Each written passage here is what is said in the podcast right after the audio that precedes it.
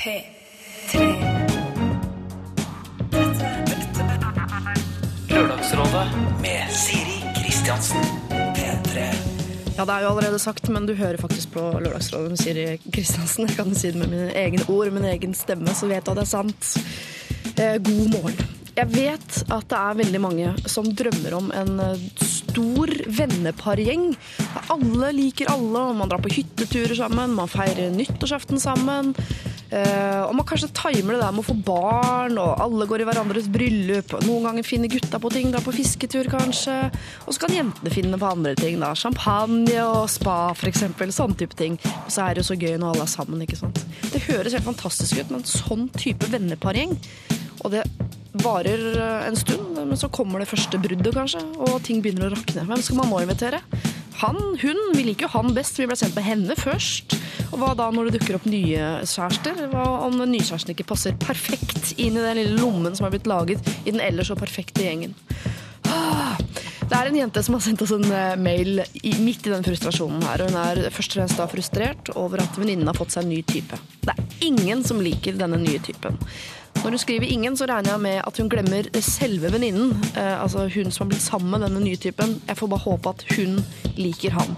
Men det er i hvert fall ingen andre da, som liker denne nye typen. Eh, og det er ikke det at han har gjort dem noe, men de syns bare ikke han er bra for venninnen. Eh, og hun er nå usikker på om de må invitere han med på ting, eller om de kan be bare venninnen, og samtidig be eksplisitt om at typen ikke dukker opp. Heldigvis er det ikke jeg alene som skal løse denne floka her. Det kunne blitt eh, raljering fra min eh, side, men jeg har hentet inn eh, hjelp utafra. Vi får tre vakre rådgivere på plass eh, her om en ca. ti minutter. Andre problemer er hjertelig velkommen eh, til Lørdagsrådet i dag. Da gjør du som vanlig. Sender med kodeord P3 1907, eller bruker mail, er gratis. Eller alfakrøll nrk.no. Du hører på Lørdagsrådet med Siri Kristiansen. The Ting Things, det der That's Not My uh, Name, uh, har sittet sammen med tekniker og produsent uh, Jonas Jeremiassen og diskutert hva er det med låta. Vi blir så innmari godt humør av den, men vi er ikke 100 sikre på om vi liker den sånn Den har noe sånt Du blir med, liksom. Ja, det er en sånn revylåt. Mm. Altså, det kunne vært liksom Nordstrand-revyen 2012. Noe for dere, eller? Eh, men man blir i godt humør av den. Eh, så det er hyggelig å høre den sånn innimellom igjen. Kjære lytter, eh, kjære venn. er du en Facebook-venn, kanskje? Lurer jeg på. Vi har jo nå 3000 og nesten 200 Facebook-venner. Det syns jeg er wow. fryktelig stas. Og så syns jeg det er så hyggelig når dere skriver hyggelige ting, som Ingvild f.eks. Når du skriver at vi er perfekt underholdning til en trilletur. Det syns jeg er eh, sabla trivelig, og da regner jeg med at du antageligvis har lastet ned vår podkast og trillet eh, Trillet når du vil. Eh, Og Vibeke hører på dere hver lørdag, før, under og etter frokost. Det syns jeg også høres ut som en perfekt eh, morgen. Og så må jeg si takk til dere som har lagt inn forslag til hvem dere vil ha som rådgivere framover nå i 2013. Eh, Fordi det bruker vi for alt det er verdt. Vi har sendt ut en bunke med ganske kvalme og ekle, smiskende mail. Sånn folk, alle vil ha deg, alle vil ha deg, kan du komme og være rådgiver? Og det føles litt sånn klamt der og da, men det funker. Så det er mange av de dere har foreslått som kommer nå i løpet av eh, våren. Fredrik Norum, du ønsker deg eh, følgende. Hadde vært konge hvis kronprinsen ble med, og det er vi jo selvfølgelig helt eh, enig i. Det er ei nøtt eh, å få med seg kronprinsen. Han er litt Jeg så han jo på julemorgen, da, det skal sies, i romjula, men det tror jeg var mest for å please eldstedattera. Ikke spør meg hva han heter. Jeg husker ikke. Eh, Men eh, fortsett å sende inn eh, forslag på hvem dere syns hadde gjort seg helt perfekt som rådgiver her i Lørdagsrådet. Diskuter gjerne, eller kos dere med de bildene som måtte ligge der. Vi har akkurat lagt ut nå en liten greie og spurt deg. Kan man utestenge en venninnes nye kjæreste bare fordi man ikke liker han? Det må du gjerne gå inn og komme med tips til. Kanskje du har vært i situasjonen selv. Kanskje du er den som ingen liker i vennegjengen til typen eller dama di. Dette skal rådgiverne få bryne seg på nå hvert øyeblikk, men vi kommer til å ta med oss eh, innspillene du måtte komme med da på vår eh, Facebook-side.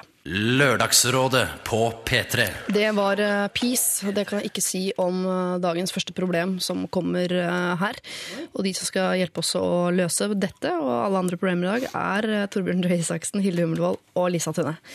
Eh, Du har fått forresten på Facebook Lisa Tønne. Heia! Yeah, Lisa Tønne! Nå ble jeg veldig glad for at du skulle komme. Sikkert fordi de har hørt på uh, podkasten din, Tusvik og Tønne, og Ja. tenkt at nå kommer det noe skikkelig Nå kommer det noe fra dypt ned i mageregionen. Ja, nei, men her, se, her, er vi med, her er det litt mer ordnede former. Nei da.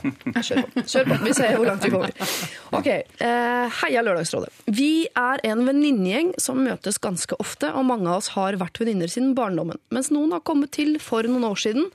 Det er slik at våre menn også møtes, om enn ikke så ofte. Men nå da hender at vi treffes alle sammen, både jenter og gutter sammen. Vi er jo en del mennesker, og det feires bursdager når vi har runde dager, noe som betyr at det blir noen sammenkomster vi feirer sammen. I tillegg har vi julefest, vinterfest og lignende. En av mine venninner har fått seg en ny kjæreste, og ingen liker han. En av grunnene til at mange ikke liker han, er at eh, venninnen vår selv har fortalt ting som ikke er så pent. Blant annet har denne kjæresten vært utro flere ganger. Det skal sies at denne mannen har ikke gjort noen av oss andre noe galt, men han har et dårlig rykte og er uten tvil ikke bra for vår venninne. Det er alle enig i. Også venninnen vår. Det vi derimot er uenige i, er om vi kan utelukke denne kjæresten fra våre fester der alle andre er invitert. Jeg ønsker derfor hjelp fra dere. Er det rett av flere av oss å invitere vår venninne med klar beskjed om at hun bare får lov til å komme hvis hun kommer alene? Vi misliker jo ikke denne kjæresten av egen erfaring, bare det vi har hørt om han på bygda. Hilsen hun som står denne venninna nærmest.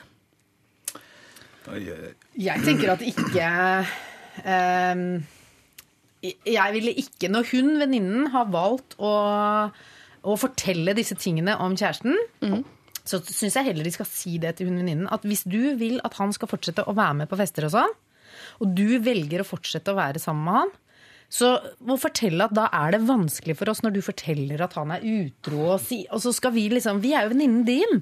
Vi vil jo backe deg. Da vil jo vi umiddelbart eh, bli litt sånn hm, Hva er det han der driver med? Jeg, jeg syns ikke vi kan utelukke han fra en fest. Men det er en veldig sånn rar dynamikk her, da, for det er jo ingen som liker han kjæresten her.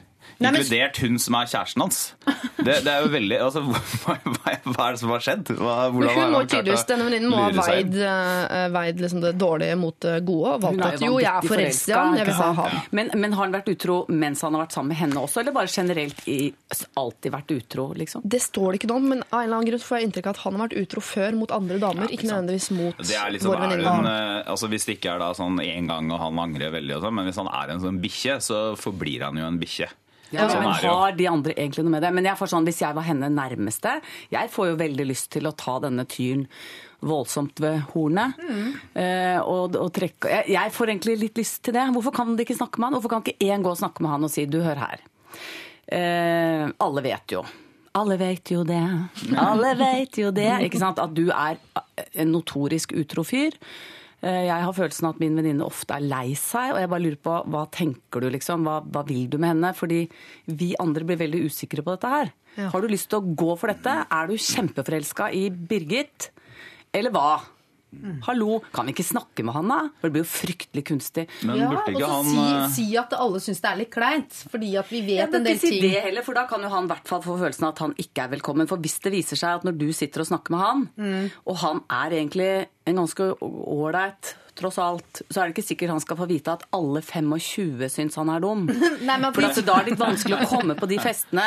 Men hvis du får litt sånn god følelse, og du sier 'men fy filler'n, så ålreit', da. Du har ikke vært utro mens du var sammen med Birgit, og kjennes ikke det litt OK, eller? men Fortjener ikke han egentlig en ny sjanse Jo. også? Det er jo litt det, da. Hvis Det høres ut som det er fra bygda, dette her. Er Ja, altså, uansett, ikke sant? Dette er liksom, man har, han har et rykte fra før som, han, som da ble hentet han igjen. Og da, men det er jo ikke rettferdig da at man automatisk kan mislike han eller anta at det skjer en gang til. Det kan jo hende at kan hende han har blitt en bedre person, eller at han nå har funnet en person som han eh, ordentlig, er ordentlig glad i og har lyst til å være trofast mot. Birgit, da, som vi kaller henne, det er jo hun selv som har fyra opp under. Ja, hun selger den jo ut fullstendig. Så hun, Det er veldig dårlig innsalg av kjæreste, det tror jeg vi kan være enige om. Men eh, de tingene som vi vet om han som er negativt så langt, altså det er jo egentlig dette med utroskapen. Har det noe å si for en fest? Det er vel ikke sånn at han kommer til å ligge med vertskapet uh, altså, på stuegulvet mens kjæresten ser på? Så alt dette her hører jo, hører jo dette kjæresteparet til. Det er jo ikke noe, mye et sosialt problem. Nei, Det er mye bedre å ha den festen nå, tenker jeg. For hvis det, da, altså hvis det da rykter det med utroskap, og man har en sånn stor fest hvor alle er med, så har man jo muligheten til å ta den på fersken. Men det er ikke På én den festen. Ja, alle damene kler seg litt venninne, og så burde du ta på seg Se, nå ligger jeg med typen, liksom. Ja, Det er det ikke en sånn uh, det, det lukter jo litt sånn av altså Ofte så har man lyst til å være snill og beskyttende og sånn mot vennene sine, men det lukter jo litt av en sånn form for overformynderi, dette her. da, For at hun venninna har, jo- hun har jo tatt sitt valg. Ja. Og hun må jo stå for det, det valget hun har tatt. Og da kan jo ikke, er det, er det riktig at venninnene da skal forsøke å overprøve det valget på vegne av henne?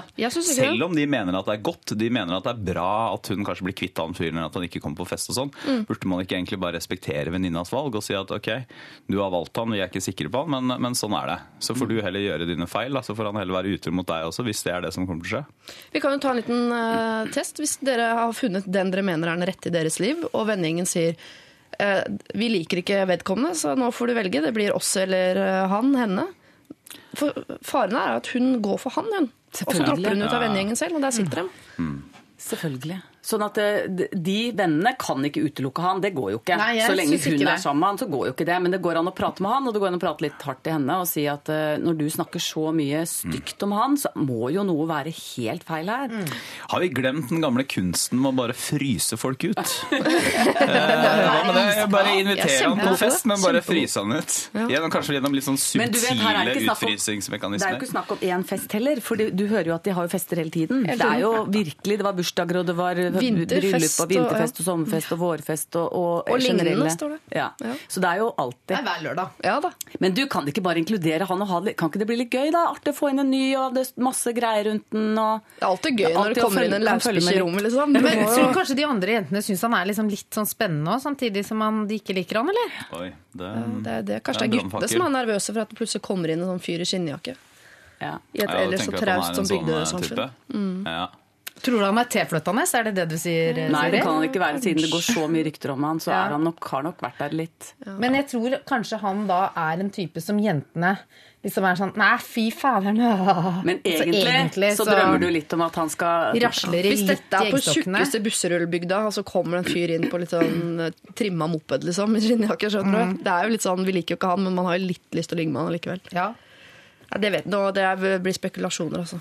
Men Det eh, ble veldig spekulasjoner, men vi er jo, det, det høres ut som ingen syns det er en god idé å ikke invitere ham på fest. på. Facebook så skriver både Thomas og Ida her at eh, ja, ja, han kan ekskluderes. Det, det syns de er helt Nei, det er innafor. ikke greit. Nei, jeg jeg, tror jeg er enig med deg. Vet du hva? Inviter han. Om du har behov, så vær litt kjølig, heller. Men hvordan Frys skal du, litt. sånn, bare sånn praktisk, hvordan skal du klare å gjøre det? Altså, skal du si til venninna di sånn du, vet du hva, du kan komme, men du kan ikke ta med kjæresten din? Det er det går er an- forslaget. Det går jo ikke an å si det. Altså, man kan jo faktisk ikke si det til en venn. Hun spør jo om det er det rett av flere av oss å invitere våre venninner med klar beskjed om at hun bare får komme hvis hun kommer alene. Nei. Nei, det går Svaret ikke. er nei. Svaret er nei. Neste må- spørsmål. Eh, skulle Svaret er rett og slett eh, nei, og vi gjør som Hilde Hummelvold sier. Vi, eh, vi tar neste spørsmål, men først eh, litt musikk. Lørdagsrådet I dag synes jeg gjennomsnittet sånn rent utseendemessig, hvis vi skal konsentrere oss om det som Mm. eh, Idol 2013 konsentrerer seg om, nemlig hvordan folk ser ut. Lisa Tønne, du ser helt plettfri ut i dag. Jeg hørte du sa ja, men. Har du gjort noe med huden din? Nei, men jeg vet ikke. Altså, det Er det lov å si det til en fra Iran? Nå følte jeg meg litt Absolutt, rasistisk plutselig, men du har vakker hud i Det hadde jo ikke noe med uh, tonen Fargen. i huden å gjøre. Nei. Nei. Du, vet du hva? Det er en foundation, bare. Det er det, ja. En tynt, tynt, tynt lag. Og så kanskje jeg bare har blitt litt uh, freshere i Ja, jeg på noe her. Men du, det hun har Jeg har en venninne som har eh, jødiske aner, og hun har, sier selv at hun har ørkenhud, og det har du òg. Og du kommer aldri til å bli gammel i fjeset. Tror du ikke det? Nei, du kommer ikke til å få rynker sånn som vi hvite, norske vi, Det slapp, Du ramla ikke i rynkegryta du heller, Hilde. Jo, men Du- Når du sa i stad, når vi ikke var på, så sa du 'du ser så godt ut', da rykka jeg til, og, og så var det deg. Ja, men jeg ikke fikk tid til å ta runden. Men vi har jo allerede eh, snakket eh, varmt om kroppen din her i dag, så syns ikke du skal føle deg forbigått. godt På noe som helst måte. er, vi har vært eh, Jeg syns Men er altså, huden til Lisa. Tønne er fantastisk fin, og den kommer til å holde seg sånn. Det er det. Ferdig med det. At skulle jeg fått kroppen til Hilde, huden til Lisa og strikkejakka til Torbjørn Røe Isaksen, så Hva hadde jeg med vært skjegget? Ja. hva med skjegget? Ja, kanskje jeg kler skjegg. Jeg vet Du er så fordomsfull. fordomsfull. Tror du ikke det kledd skjegg? Du ville sett eldre ut, i hvert fall. Men du også har glød i huden. Har du vært og stått på langrenn oppe Jeg på har vært i Syden. Du har vært i Syden, Ja, ja! jeg Det har rett og slett ikke komme. juksa, så jeg har vært på Tenerife. Heter det det egentlig? Nei, det heter vel kanskje Eller hva sier man på spansk? Ja, hva sier man på spansk? Tener, Tenerife. Eller jeg vet hvis- ikke. har man med Men på norsk heter det Tenerife. Det gjør ikke det, vet du. Det heter Tenerife. Ja, ja, men jeg skjønner det. Men, Men liksom du er sånn fra Bærum, og der sier de Tenerife? Nei, jeg er Men er du sånn er, Reiser du til Tenerife? jeg tror ikke folk i Bærum sier Tenerife. Nei. for å si Men har du sånn. hatt en ironisk sydentur? Altså, Føler du at du Nei, må være litt ironisk en- i forhold til den reisen? Nei, nei jeg, men jeg, er ikke sånn, jeg har ikke vært så mye i Syden, men jeg har vært på 60-årsdagen til svigermora mi. Ah, ja. Så det var, ikke noe, det var veldig koselig. Sammen med masse folk fra Buskerud. Fra Buskerud. Så det Det var det eh, ut, tungt. Ja. Altså, Tenerife er jo sponset av Buskerud kommune. Så det, er jo, Buskerud fylkeskommune har et eget hotell der, faktisk. det tror jeg. Et spa-hotell. Ok, vi går videre. Eh, Vi skal ta litt navneproblematikk. Eh, Oi. Det er en som heter Tore Leland som har sendt inn en mail her. Hei, Lørdagsrådet. Jeg har et dilemma. Til sommeren skal jeg gifte meg med en jente. Navnet mitt er Tore Leland. Hun heter Try til etternavn. Jeg vil at hun skal ta etternavnet mitt, men prøver også å være en moderne mann. Hun vil at vi skal ta med etternavnet hennes også. I så fall kan jeg bli hetende Tore Try Leland. Da er jeg veldig redd for å bruke hele livet mitt på, å poengtere at jeg ikke heter Tore Trylleland. En annen mulighet er at jeg skal hete Tore Leland Try. Da er jeg også redd for at jeg egentlig eh, kommer til å bli kalt bare Tore Try. Ni av ti gangene jeg har foreslått dette, har folk begynt å synge på Tore Tang. Om tiende gangen eh, eh, så mente noen at det minnet om Tore Tvedt, lederen av Vigrid. Aller helst vil jeg at hun skal droppe det gamle etternavnet sitt og bare hete Leland. Det er jo veldig praktisk at vi heter det samme, men hun vil beholde etternavnet sitt, så hva skal jeg gjøre? Jeg har prøvd sterkt å overtale henne, men får det ikke til. Så hva gjør jeg da, Tore Leland? Kan ikke han bare hete Tore Leland, og hun hete Hva het hun? Det sier han ikke. Nei, men Vigdis Turi, da. Try Ja. Leland. Hvis hun vil beholde At Ja, hun kan ha det mellomnavnet. Han, Han trenger ikke. ikke. Han trenger ikke å være så moderne. Så da heter det ikke det samme, men begge har, eh, Begge har har samme Leland etternavn. felles. Ja, altså, gir du det videre til barna. Ja. Men dette minner meg om en sånn historie om, Det er visstnok en sann historie om, eh, om en som ble adoptert fra Asia. Og så eh, lurer foreldrene på Da er det ofte vanlig å kombinere liksom et asiatisk navn og et norsk navn. Så han, han het Hong, og så kalte de han Harald også, så han ble hetende Hong Harald. Eh, så det er jo det er Det er så morsomt at man ikke kan la være, faktisk. det er mange, sånn, det er jo mange dilemmaer med sånn navnekombinasjoner. Jeg hørte ikke den der Trylleland, da jeg jeg hørte på den her, men det er jo litt Det er ikke det litt magisk å hete Trylleland? Jeg syns det hørtes flott ut. jeg. Jo, jeg synes, men jeg tenker i hvert Kan fall man ikke ikke bytte fornavn? Jeg tror det er løsningen til sånn Tore Torell Trylleland. ja, Er det ikke veldig populært da med å, med å ha samme bokstav i fornavn og etternavn? Er ikke det liksom, da kan man jo bli artist. Tore Trygve Ulven, eksempel, er jo også et navn. Ja. Tore Jeg tror ikke vi skal åpne den humorsista der, for da er det utrolig lett å gå seg. Vil aldri komme ut igjen. Jeg er heller ikke humorist, så det var feil av meg. Men jeg, jeg synes at jeg er jo helt jeg, Denne navnediskusjonen altså Jeg synes det er sånn Min preferanse, da, det er jo at det, jeg synes det er fint at man liksom tar vare på at barna har noe fellesnavn på en eller annen måte. Mm. Synes jeg, i hvert fall Hvis man har navn man har lyst til å kombinere. Men at foreldrene heter forskjellige ting, det syns jeg ikke gjør så mye. Men, tok du navnet til kona di? Nei, men hun tok heller ikke navnet mitt. Nei, okay. Men vi har et sånt der problem, for hun heter Ringnes, og vi har et sånt problem med at fett etter Ringnes, da. Ja. ja. Det er, Skål. det er, hun er, fra, ikke fra denne rike delen av Ring... Altså, det er svær slekt, for å si det sånn. Hun er den fattige delen. Ja, fatt, fattige delen. Men jeg heter jo Jeg har mellomnavn sånn Isaksen er litt kjedelig, men så heter jeg Rød til mellomnavn. Rød Ringnes, men det blir litt sånn rart, ikke sant? Kjempefint. synes. Syns du det? Rød ringrev. Rød ringrev, ja, ikke sant? Det er mange muligheter. Nei, men det gjør jo ikke noe det. Kan man ikke hete to forskjellige ting foreldrene, og så kan barnet hete Og jeg synes det hadde vært det så hyggelig. Ja da, og det absolutt, men samtidig så kjenner jeg selv at jeg syns det hadde vært kjempehyggelig hvis Kyrre Hør så fint det her høres ut. Kyrre Holm Tønne. Mm. Er ikke det topp? Jeg, Ja, vil, for nå dere, hva er deres bare? jeg, jeg skal liksom Måtte du si det for deg selv? Jeg måtte, prøve, måtte kjenne på Kyrre Holm Tønne. For jeg heter jo eh, jeg, jeg har ikke Altså, jeg skal hete Holm Tønne etter hvert, men jeg får bare ikke ut fingeren på den telefonen Mm. å gjøre om. Men jeg heter liksom det i sjelen min. Men eh, det blir jo en annen ting nå, sånn som eh, mannen din, Kyrre Holm Johansen, altså P3-legenden på to Ja. ben, han har jo liksom et navn Hvis han plutselig skulle hete Kyrre Tønne, så blir det sånn Ja, nei, mye selvfølgelig. fjas han er det? Men jeg kaller han det hjemme, så barna tror han heter det. Adresserer du mannen din med fullt navn? Alltid. Det er ganske morsomt. Det er Det fra Iran. Ja. Det er, fra, det er kodeksen fra Men Iran. du du kan da, ikke, Hilde, kan har du ikke Nei, altså, jeg har jo prøvd alt. Sånn at det første gangen så tok jeg hans navn. Bare hans. Nei, jeg hadde mitt òg, men det ble jo da til at jeg ble hans.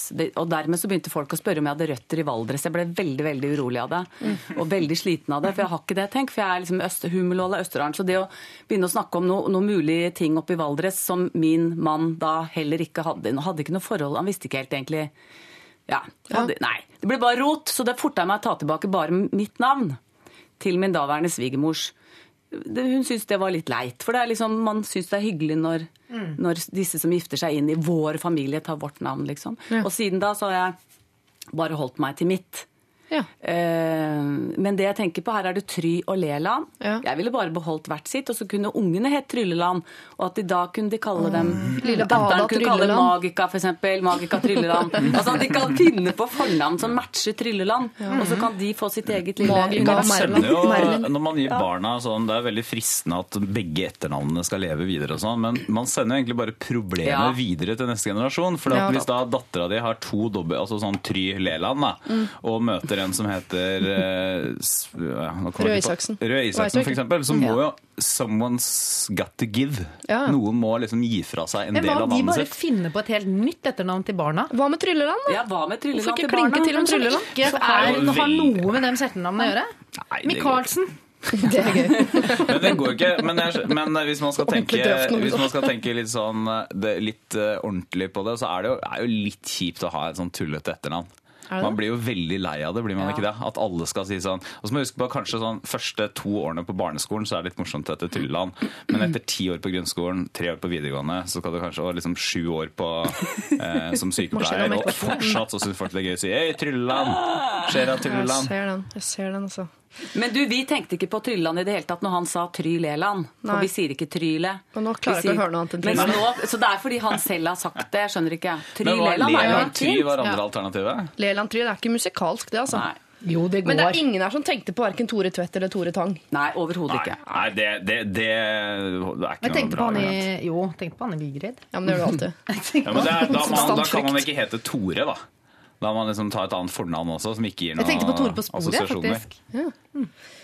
Jeg vet, jeg, jeg synes kanskje Nå har vi antageligvis eh, gitt deg mer å tenke på enn du, hadde, enn du ønsket. Da, for han eh, gleder seg til å gifte seg og har ikke nevnt barn. Hun Kanskje har han nå er livredd. Herregud, meg for barn, det er jo en krise. Hun har begge to. Ja. Han beholder sitt og ferdig med det, tenker jeg. Men da skal de, synes jeg de bare skal sende det ene videre til barna, og det er det de har sammen felles. Men det er jo hele poenget at han har lyst til å være litt moderne også. Det kommer Eh, ikke hun til å ville. jo- ville. Nei. Men hele poenget her er jo at han han har ikke lyst til at bare kona skal ta hans navn. Han har lyst til å si at vet du hva, enten så tar vi hverandres navn, Mm. begge to, at vi blir en ny familie, eller så må, være, må vi beholde være, bare våre egne navn. Og det, det går jo fullt an, men det, man kan ikke gjøre alt samtidig. Altså, kona, han vil ikke at kona skal ta hans navn uten at han tar hennes navn. Forslag. Ja. Han blir eh, Tore Try Leland, og hun blir da eh, Turi Leland Try. Så at de har forskjellige, Man bruker bare det siste etternavnet. Så da blir det fortsatt Tore Leland og Turi Try. Men de har hverandres navn inni der. Som så de vet det når de får eh, Ja. brev, for eksempel, da, som man jo fortsatt får i Så kan Men 2013. første barnet i den ene rekkefølgen, andre barn i den andre rekkefølgen. Ja. Sånn Men da vil han jo allikevel bli Trylleland, da. Jeg mener at dette må vi sette opp i et skjema, og så må vi analysere det på den måten. Torbjørn Isaksen tar uh, jobben. Jeg gir det 4000 kroner eller sånn, uh, Torbjørn. Og så setter han opp et skjema som du får på mail uh, senere, Tore. Eh, Men lykke til med giftings! Ja, lykke til med giftings, og tenk litt på det at du kan skyve problemet videre på barna dine. Det syns jeg er et kjemperåd. Lørdagsrådet Innavlbandet Kings of Leon med Pyro før det No Doubt It's My Life. Eh, Lørdagsrådet hører du på, og vi skal eh, ta et eh, problem her som jeg gleder meg litt til. Jeg syns det, er, eh, jeg synes det er morsomt. Jeg vet ikke helt hva jeg syns om det selv. Eh, Torbjørn Røe Isaksen, Høyre-politiker, og eh, programleder Hilde Humlevold, komiker Lisa Tønne. Eh, er programleder, blir det riktig? Altså, jeg, sa- jeg, annet? jeg sitter og Ja. venter på, for du har sagt det før. Ja. Og så har jeg tenkt ja, ja, la henne si det. Jeg Men kan ikke skal man si bryte inn. Tidligere programleder er litt sånn der, Men hva- søren, skikkelig sånn derre have-been. Has-been heter det kanskje. Men hva driver du Nei, med nå? nå er jeg eh, lærer på en videregående skole i Drammen. Jeg underviser i medier og kommunikasjon. Jeg hoppa hele NRK, og sa Morna, tusen takk for fantastiske 25 eller 28 år, eller hva det er. Ja. Men jeg fant ut at det, nå har jeg passert 50, og jeg har i flere år tenkt at jeg vil gjøre noe annet. Det har jeg alltid tenkt, for jeg er egentlig lærer i bånn. Så var jeg lærer i åtte måneder, og så begynte jeg i NRK. Og jeg har alltid tenkt at jeg er jo lærer, og mange, mange, mange år sa jeg at jeg er lærer, helt til jeg begynte å si at jeg er programleder eller journalist. da. Så nå syns jeg det var vanskelig å si at jeg var lærer igjen. Men i hvert fall så tenkte jeg jeg vil gjøre noe annet de siste åra. Mens jeg ennå har litt sånn kraft og sevje og sånt nå. Så kult. Og det å undervise Og så syns jeg liksom at jeg ser på mine egne tenårings- og etter hvert barn i 20-åra, men jeg syns når jeg så deres videregående liv, at det er ganske sånn Litt sånn fattig på ros, følte jeg. Så tenkte jeg jeg skal bli en sånn lærer som bare peprer disse unga med ros. Sånn derre Der tenker jeg den satt! Dette fikser du, Per! Men har det gått greit sånn øh, å, å liksom bare avvenne seg med NRK, eller er det sånn for eksempel sånn på lille julaften så lager du en liten sånn Kvelden før kvelden-sending, du Da og satt jeg inne på et rom hos moren min og sydde! Ja. Og reparerte ting! Men snakker du på en måte litt sånn til veggen og later som det er et kamera Nei, her, vet og har, Nei, har en kokk på besøk og lager noen en ribbe og sånn? Nei, lille julaften, men jeg var veldig spent. Det som var kjempedeilig, var å ikke forberede lille julaften. At Ja. jeg faktisk kunne gjøre mine egne juleting hjemme. Og liksom tvangs... Nå, barn! Endelig. Nå har de, nå har de flytta ut, nesten alle. Men da begynte jeg å kalle inn til pepperkakebakst. For jeg tenkte jeg kan jo prøve å ta igjen Ja, alt, alt jeg ikke gjorde. Liksom, ah, så slitsomt for de at de må, Veldig må ha Nå skal vi lage dorullnisser! Ja, Driter at du er 18. det, det var ikke så veldig, var ikke sånn 100% oppslutning, kan du si. Men noen kom. Og, og jeg har bakt Herregud, mange unger har du? Tre. Ja, okay. det høres ut Men to av tre kom. 15 stykker. To av tre. Ja. Og disse ekstrabarna som halv, halv, de halve Det er som ja. Meatloaf sier, two out of three ain't bad. Nei, det er ikke det i det hele tatt. Men da lille Sier julaften Meatloaf det? Ja, I eh, den der sangen I want you, I need you.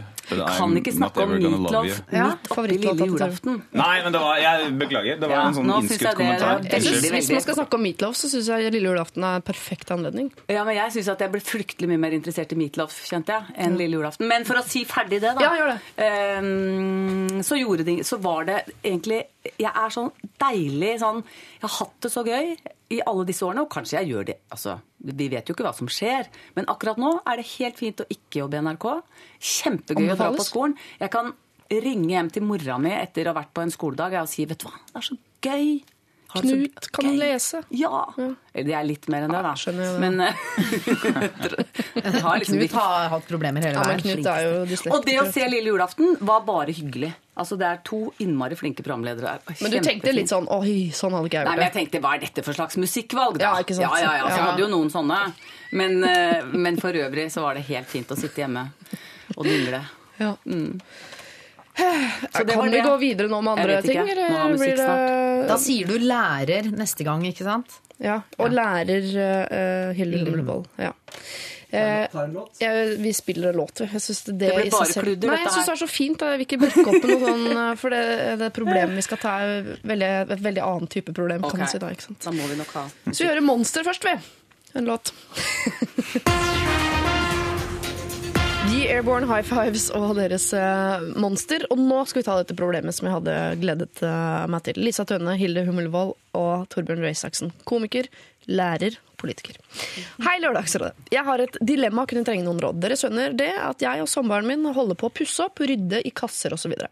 Jeg fant da i en av kassene en ring som han tidligere har gitt eh, som en ring til ei anna ei. Dette har han vært åpen om, så det er ikke problemet. Men han har tenkt å selge den. Men han er mann, og ting tar tid. Jeg, som alle jenter, liker bling og lurer derfor på er det ok å bruke denne ringen som han egentlig har gitt noen andre, eller må jeg bare selge den og få den ut av verden for å vente på at han kjøper en som er til meg? Han har sagt at jeg bare må bruke den, men han har ikke gitt, gitt den til meg. Eh, PS. Ringen er veldig fin. Hilsen en som har lyst på bling. Altså, kan hun bruke en ring som er tiltenkt en annen? Hvis hun ikke har noe problem med det, så bruk den. Er du gæren? Det er jo, for det er jo hos henne det, Hvis hun syns det hadde vært guffent å gå med ringen som var ment til en annen, så skjønner jeg hvis hun ville ha solgt den. Hvis hun vil ha den, herlighet for guds skyld, bruk den. Bruk den, men hun kommer aldri til å få sin egen. Nei, det er sant. Nei, For er da sier han du har jo en så fin ring Ja. at det er vel ikke nødvendig. Ja. Jeg, var litt, jeg er litt mer sånn i stuss. jeg. Det, det er selvfølgelig, altså den, Hvis den ikke etser eller gjør at fingeren hennes faller av, eller noe sånt, så er det ikke noe grunn til å ikke bruke den, kanskje. Men er det ikke litt rart å ville bruke en Eller det kan, altså, hvis, det kan Snakk som formann av Minerva nå. Ja, nei, men det kan hende hun er veldig Hvis hun er veldig raus og tenker sånn Fortiden til min mann eller kjæreste eller samboer eller noe sånt, det betyr ingenting. Men for de aller fleste av oss så er det jo sånn at selv om vi ikke kanskje blir sjalu på fortiden til partnerne våre, så er det jo ikke sånn Man har ikke lyst til å liksom eh, velte seg i historier og minner om hvordan en man er sammen med og glad i nå, har hatt det før. Nei. Så vil det ikke kanskje bli sånn at når hun går med den ringen, så vil hun hver gang hun ser på handa si, så vil hun tenke ok, eh, dette minner meg om Trine som mannen min var sammen med før. Det Ja, er litt Larsen ville jo ubehagelig, ikke er det ha ikke det? gjort dette, for. Men, det er Marit jo, Larsen ville ikke gjort det her. men det, da, da, da legger vi jo problemet Jeg er helt enig, jeg kunne aldri ha gjort det. Jeg hadde jo eh, kastet opp hver morgen. Men uh, Nei, da legger Lisa. vi jo problemer over på henne som hun er så heldig å ikke ha. Fordi Ja, for det tenker jeg, hvis problemet er jo sjalusien. ja. Hvis hun ikke har problemer med det, så bruk den, men insister på at du også skal ha en ny. Men kan det ikke hende at hun lar seg blende litt av denne ringen Oi, dette ble veldig sånn tolken. eh, av denne ringens uh, makt. Ja, at, at hun nå tenker sånn Å, den er så vakker, jeg vil bare ha den, må Ja, ha den, må ha min, den. Men når hun faktisk sånn ser på den, så vil hun Det er jo særlig nå når hun liksom tenker over det, og, og vi snakker om det her og sånn, så er den jo liksom ubønnhørlig knyttet til en annen kvinne. Når hun tar den på, så blir hun ond. Usynlig. Og usynlig. Ond og usynlig blir hun. Det er en det- sinnssykt dårlig kombinasjon. Ja. For det er liksom, man kan takle ondskap hvis den er synlig, i hvert fall. Og dere som ikke har sett 'Ringenes herre', eh, for det første, fy på lanken, men så utrolig kjedelig å høre på dette her nå. Men eh, for dere også. Men eh, hva eh, Flott dokumentar. Kjempefin dokumentar om, om dverger. Men kan, hvis hun selger den, da, så har hun jo muligheten til å, å, å kjøpe en ny ring som jo har en finere bakhistorie enn denne ringen. Den vil jo alltid bære historien om en annen kvinne, den ringen. Ja, Men må den det, da? Syns dere ikke at dere liksom putter hele, hennes, hele denne dama inn i denne ringen? Hun ser en fin ring. Ja. Jeg liker den litt sånn praktiske. Hvorfor skal den ligge der og ikke bli brukt? Ja. Det er da helt i orden. Det er det ikke hun der forrige som bor inni denne ringen, selv om dere tror det. det. Jeg ville tenkt Og man gjør det jo hele tiden også, for man, uh, ringer som går i arv, er liksom noe av det. det 'Denne bar min mor'. Det er også Jo, en ring tiltenkt tiltenkt det er flott, og det tyder jo på at nettopp det Hilde sier er kanskje ikke helt ikke sant? Det er Grunnen til at man syns ringen som man har fått av moren sin, som fikk av bestemora, som eh, fikk av oldemora, eller noe sånt, Mm. det er jo nettopp for at det er litt sånn Det er noe fint med at andre har hatt den på før, og den Ja. historien er noe flott med. Så jeg bare tenker på, er det andre ting? Altså, vil man, man vil jo, Hvis det lå igjen en, en Ikke si Truse. Nei, det er det, jeg skal ikke si det. Hvis det lå inn en pysj da, fra en ekskjæreste Ja. som man syntes var kjempefin og myk, ville man brukt den? Hvis det var en sånn, gullpysj. Jeg har jo vasket den. En gullpysj. La meg si, altså når vi rydda ut av rekkehuset til lokføreren da, i sin tid, så lå det jo en mye ræl etter alle de 100 eksene hans. Og jeg er jo fortidssjalu og ble surere og surere for hver ting vi fant. I Ja. hvert fall fordi alle tingene var så himla stygt. Og da forteller du meg at han har hatt dårlig smak fram til han traff meg. Da, ikke sant? Eh, Føles ikke det Bortsett fra at det lå igjen en sånn bunadskep. Jeg har ikke bunad, har veldig lyst på bunad, men jeg tenkte at den så dyr ut. Så den har jeg beholdt. Så du går kun med cape? Nei, nei, jeg har ikke begynt å bruke capen, men den dagen jeg måtte få en bunad, så har jeg jo allerede capen. Ja, men hvorfor ikke være litt praktisk rundt dette, tenker jeg altså. Så den derre ringen syns jeg hun bare skal bruke, men altså som sagt, faren er, hvis vi bare er helt sånn praktiske, at han ser at hun har jo en ring. Jeg tror ikke han, mannen hennes har noe forhold til den ringen i det hele tatt, siden han ligger og slengt i en skuff og han skal selge den og Ja. Problemet er jo at hvis Men han hver gang han ser ringen, så begynner han å tenke på hun forrige. Hvis det er sånn magiske ting, så er det jo det som skjer. ment til en annen, men den er i hans hus, har han da sagt eh, nå er det slutt, jeg skal ha tilbake ringen min? Har han sagt det? Er han Ja, så han kommer han lykkelig hjem fra jobb en dag, vært innom Ski storsenter, ikke sant? kjøpt ring, og så møter han surfjesen og sier sånn Det er slutt. For jeg husker er- jeg hadde jo en kjæreste som eh, kom på min Ja. En ekskjæreste som kom Ikke nå må jeg fortelle ferdig, så blir det en veldig rar historie. så langt. Og han kom eh, den dagen jeg konfirmerte meg, og ringte på døren min og sa jeg vil ha tilbake Guns N' Roses-T-skjorta mi. Ja, Han ville ha tilbake den. Ja. Og nå kan det hende plutselig at det er en ny kjæreste der. ikke sant? Og så bare Jeg skal ikke ha på denne Guns N' Roses-T-skjorta, for den har Lisa Tønne gått med. Ikke sant? Det er, Kanskje. det er Og jeg lover deg, når du tar på den Guns N' Roses-T-skjorta, da blir du ond og usynlig. Jeg vet ikke om jeg er så glad i jenter i Guns N' Roses T-skjorte. Ja. Jeg syns det er ganske tøft. Men eh, det, det, noen burde sende inn det spørsmålet som Lisa tok opp, nemlig når er det greit å spørre om å få en ring tilbake? Og når er det, hvor lang tid må du ha vært sammen før det er greit å, altså, å beholde ringen? da? Og så vil vi også ha historien til hvorfor er denne ringen i hans I eh, hus. når den var tiltenkt en annen. Hva Men jeg vil si at der? kompromisset her, det er jo da å si at ringen må selges eh, så, så fort som mulig. Men fram til det så er det greit å gå med den. Ok, Da er det to uh, damer som mener at bare bruk den ringen. Hva er det som praktisk på det? Og så er det én, eh, leder av eh, Minerva, konservativ nettavis, uh, som mener at du, du bør selge den og kjøpe din egen. Og så får du bare føle litt på hvor du føler deg mest Hvem du liksom føler at du har mest til felles med sånn Du, da, som person. Så får du bruke de rådene du likte best. Sånn er det i Lørdagsrådet. Lørdagsrådet. Frank Ocean og Lost eh, var det, og vi skal ta en liten spørsmålsrunde til eh, rådgiverne våre i dag. Jeg har, eh, jeg, har lyst til å ta et spørsmål til deg først, eh, Torbjørn. For du har jo allerede sagt at du har vært på Tenerife, eller som vi fikk og lurte litt på uttalen der, da har vi fått en SMS på at det heter Tenerife på spansk. Helt riktig, Torbjørn. Oi, det gjør det, ja. Ja. Fantastisk. Tenerife. Sånn heter det. Tenerife. På en eller annen måte. Men det er en, du har fått et spørsmål i forbindelse med denne Tenerife-turen. Ja. eh, Fra en som heter Chris. Kort spørsmål til Torbjørn. Foreldrene mine var med på denne turen til Tenerife. Oi, oi! Det var hun med latteren og han med det øyet som faller ut. Oppførte de seg pent? Med det øyet som faller ut Det eh, Har du vært på Tenerife med en fyr som har et øye som faller ut? Ja, eh, altså jeg var på Tenerife med eh, masse folk fra Krødsherad og Lier. Ja, da mister man øyer. Eh, så det var nesten ingen som oppførte seg pent. Men det er lov i Tenerife, har jeg sett. Altså, de spanjolene som er der, og østeuropeerne. Det er jo mye av det Det også. er ingen på Tenerife som har forventninger om at nordmenn skal oppføre det seg ordentlig. eh, og de tre, fire, fem Elvis-etterligningene som er der, alle de, de tar dem et smil. De syns det er kjempegøy med det nordmenn som snakker høyt, ler høyt og drikker litt for mye. Og mister øynene. Og mister øynene. Men disse Elvis-imitatorene, var, var de med deg på tur, eller er de Nei, lokale på øya? man trenger, det er noen fordelen med å dra til Tenerife, at man trenger ikke å ta med egen Elvis-imitator. De, de de har- kommer, kommer med tilbudet der Men er nede. ikke, det er jo lokalbefolkningen på Tenerife. Er jo bare Elvis-imitatorer, er det ikke det? Sånn, sånn, så det er veldig mange som har det som sånn binæring, i hvert fall. Sånn, eh, hva gjør du? Eh, Lawyer and Elvis impersonator on the evening. Fantastisk. Jeg har vært på feil jeg har vært på Gran Canaria. Det Ja, det er pyton. altså. Det er, Det er, nytter ikke. Gøy! Og det, jeg har et annet kjapt spørsmål til deg som du kan tenke litt på. Det er en som lurer på om det er noe galgenhumor på tinget etter store kriser, som f.eks. nå Statoil, som vel kanskje er litt tidlig, eller f.eks. etter 9-11. da. Du kan tenke litt på det Ja, kan tenke litt på. Uh, Hilde Hummelvold, Uh, en som skriver uh, her, tømrer Tor og ølmann. Jeg så at mannen din er veldig opptatt av øl. Åssen er det med deg? Er du like ivrig? Nei. Jeg må nå tenke på det. Ja, nei, ja. Man kan ikke ljuge her, ikke sant? Helt ærlig. Nei, jeg er ikke det. Men når du først snakker om øl Fordi Petter, da, mannen min, er jo da sjef i Bryggeriforeningen. Og jeg har jo blitt indoktrinert. Og jeg har jo måttet smake på noe. Så før så trodde jeg at øl var øl. Pils Ja. er pils. Det er det ikke. Så det er jo en hel verden av forskjellig smak og styrke.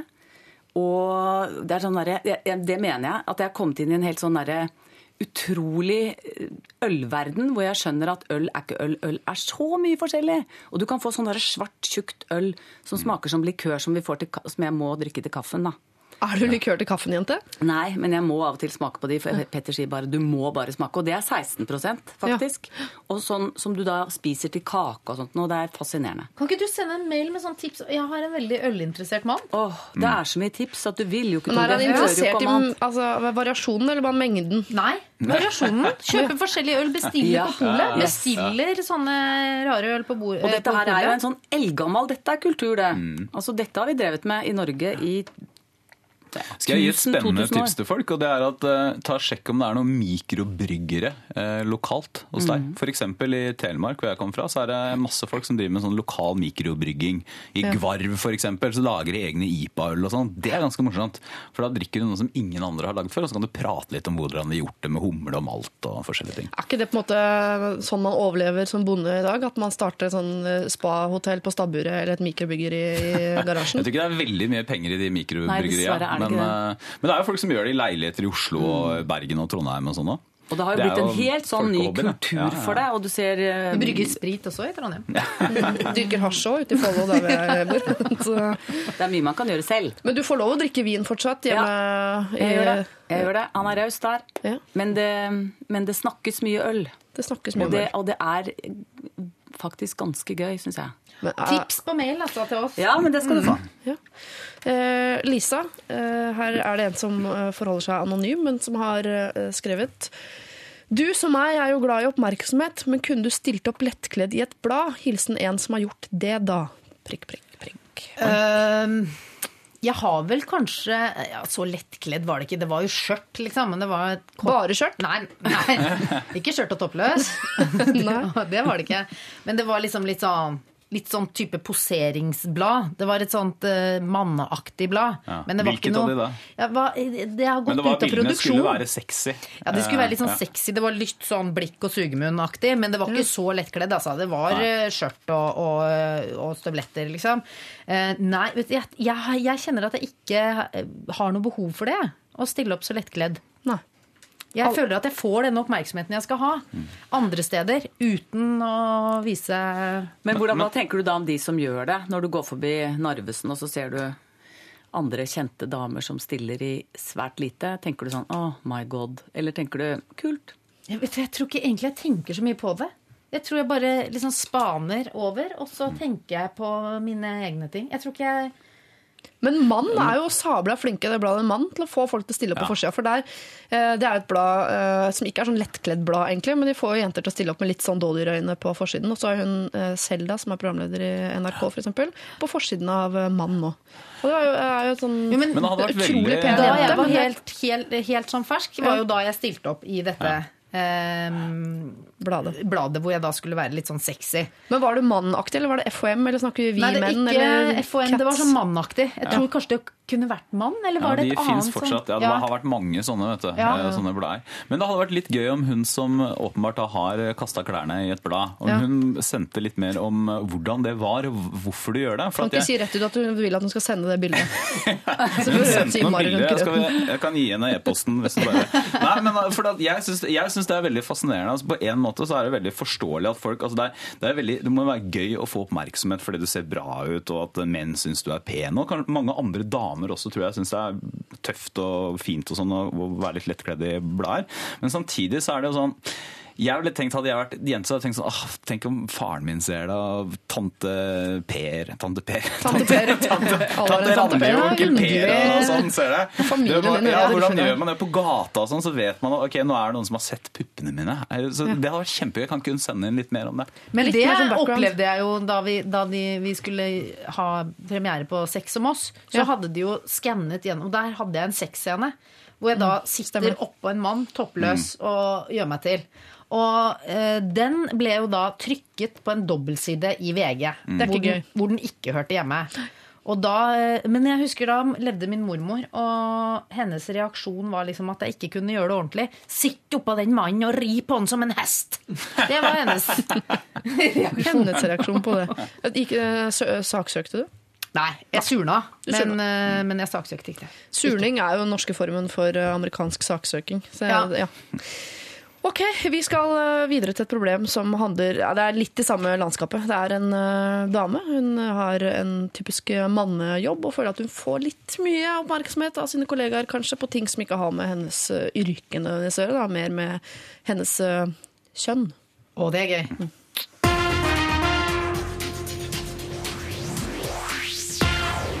Marit Larsen der med låta vi har snakket om i dag, faktisk. 'Under the Surface', som jo går litt på eh, Nydelig låt. X, X-er, da, ikke sant. Har du en eh, X som du tenker på hver gang du ser på meg, osv. Tenk så grusomt om det var sånn. Eh, Lørdagsrådet i dag består av eh, Høyre-politiker eh, Torbjørn Røe Isaksen. Eh, lærer Hilde Hummelvold, tidligere programleder her i NRK, med 28 års fartstid eller noe sånt. Eh, Det var fin intro. Mm, kjempefin. og komiker, og nå også radiostjerne Lisa Tønne, som har på en måte blitt radiostjerne uten å være på radio.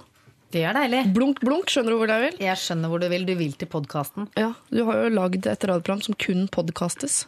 Da har jeg ingen som sitter over meg og sier 'nå har du sagt pung for mange ganger'. For du har sagt mye pung. Mye pung. Jeg har jo en slags Tourettes på det. Kan man si pung for mange ganger? Nei. Altså Uten at det blir morsomt? Jeg mener det, det blir jo nesten morsommere. Det er, sånn, det er morsommere jo mer man sier det. Men pung er et søtt ord også. Det, altså det altså det, selges. Det er jo et lydhermende ord på en måte. For at det, liksom, det er et ord som deiser og slenger litt pung. Det er, sånn- det er sånn, Ja, pung kunne ikke hett noe annet enn pung.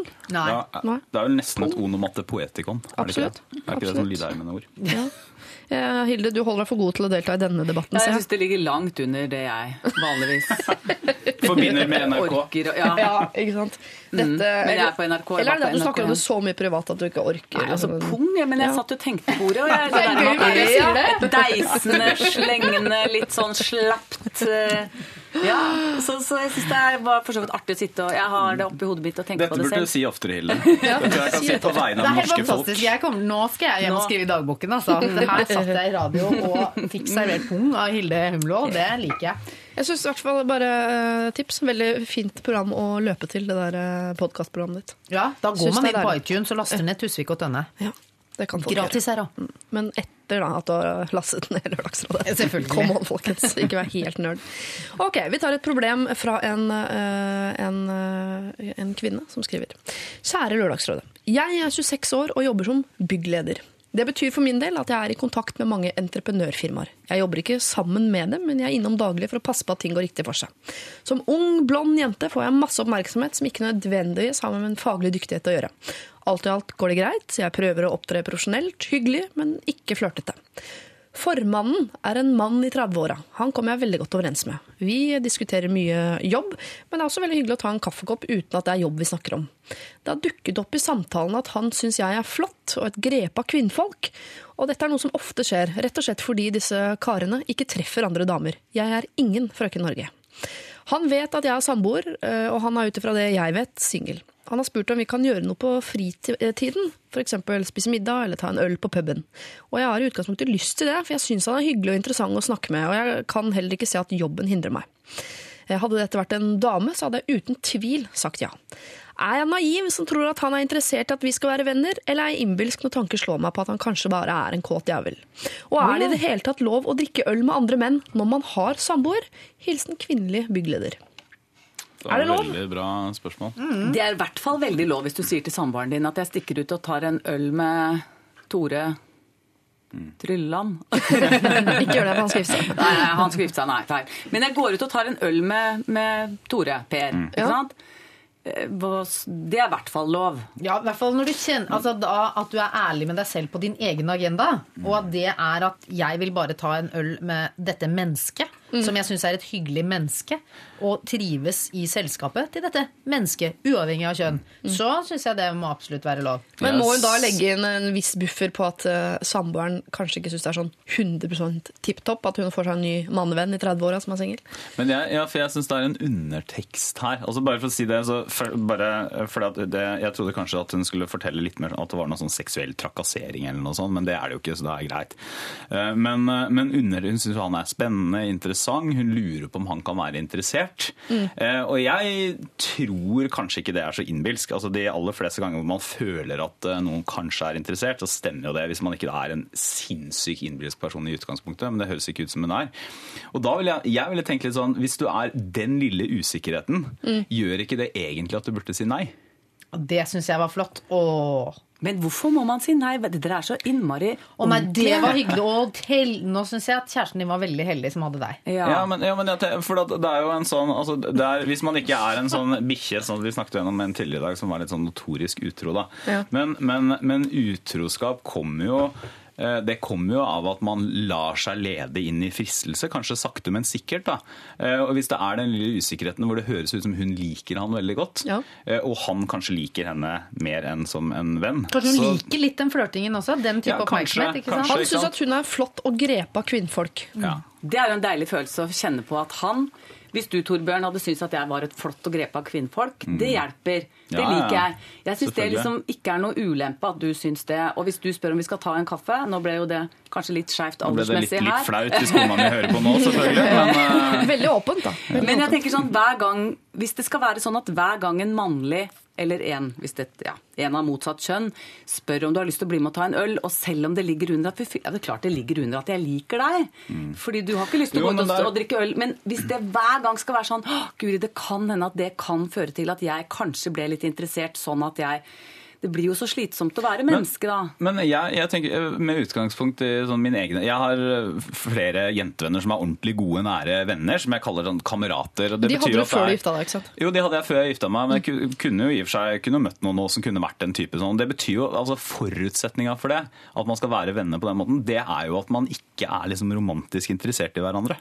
Ja. Altså At man liker personen nettopp som menneske. Men hvis det kommer inn litt sånn tvil om det, så er det jo plutselig Jeg vet ikke, jeg føler bare at det, da kan jo det utvikle seg til et eller annet som ikke hun eh, Men kan hun hun finne ut av det på forhånd og si sånn Du, øl hadde vært kjempehyggelig, det, men Altså, Er det noen mulighet for henne å finne ut av på forhånd Ja, hun om hva funnet, han er interessert i? Hun har jo funnet Ja, ut jeg inni hjertet sitt, så vet hun at han syns at hun er flott. Mm. Men, Ja. men jeg tenker det er langt derfra til å begynne å være utro. Nei, men og det blir så innmari mye sånn, det blir så trangt. Hvis det ikke skulle, og det er jo ikke snakk om Mm. at de skal bli bestevenner og gå ut og drikke øl hver fredag. Her er det snakk om å gå ut og ta en øl en gang. Men tror du ikke også hvis at, at alt blir mye lettere hvis hun er helt ikke liksom forteller litt sånn kryptisk til samboeren sin, men vær helt ærlig på det og si vet du hva, jeg, han syns at jeg er veldig flott, og han syns at jeg er veldig gøyal, og jeg kjenner at jeg liker det litt. Skjønner at Hun er helt ærlig på det, sånn at det ikke er noe sånn som ikke er sagt. For det med en gang det begynner å bli litt sånn eh, At grensene viskes litt ut. Ja, men da begynner det å blåses opp.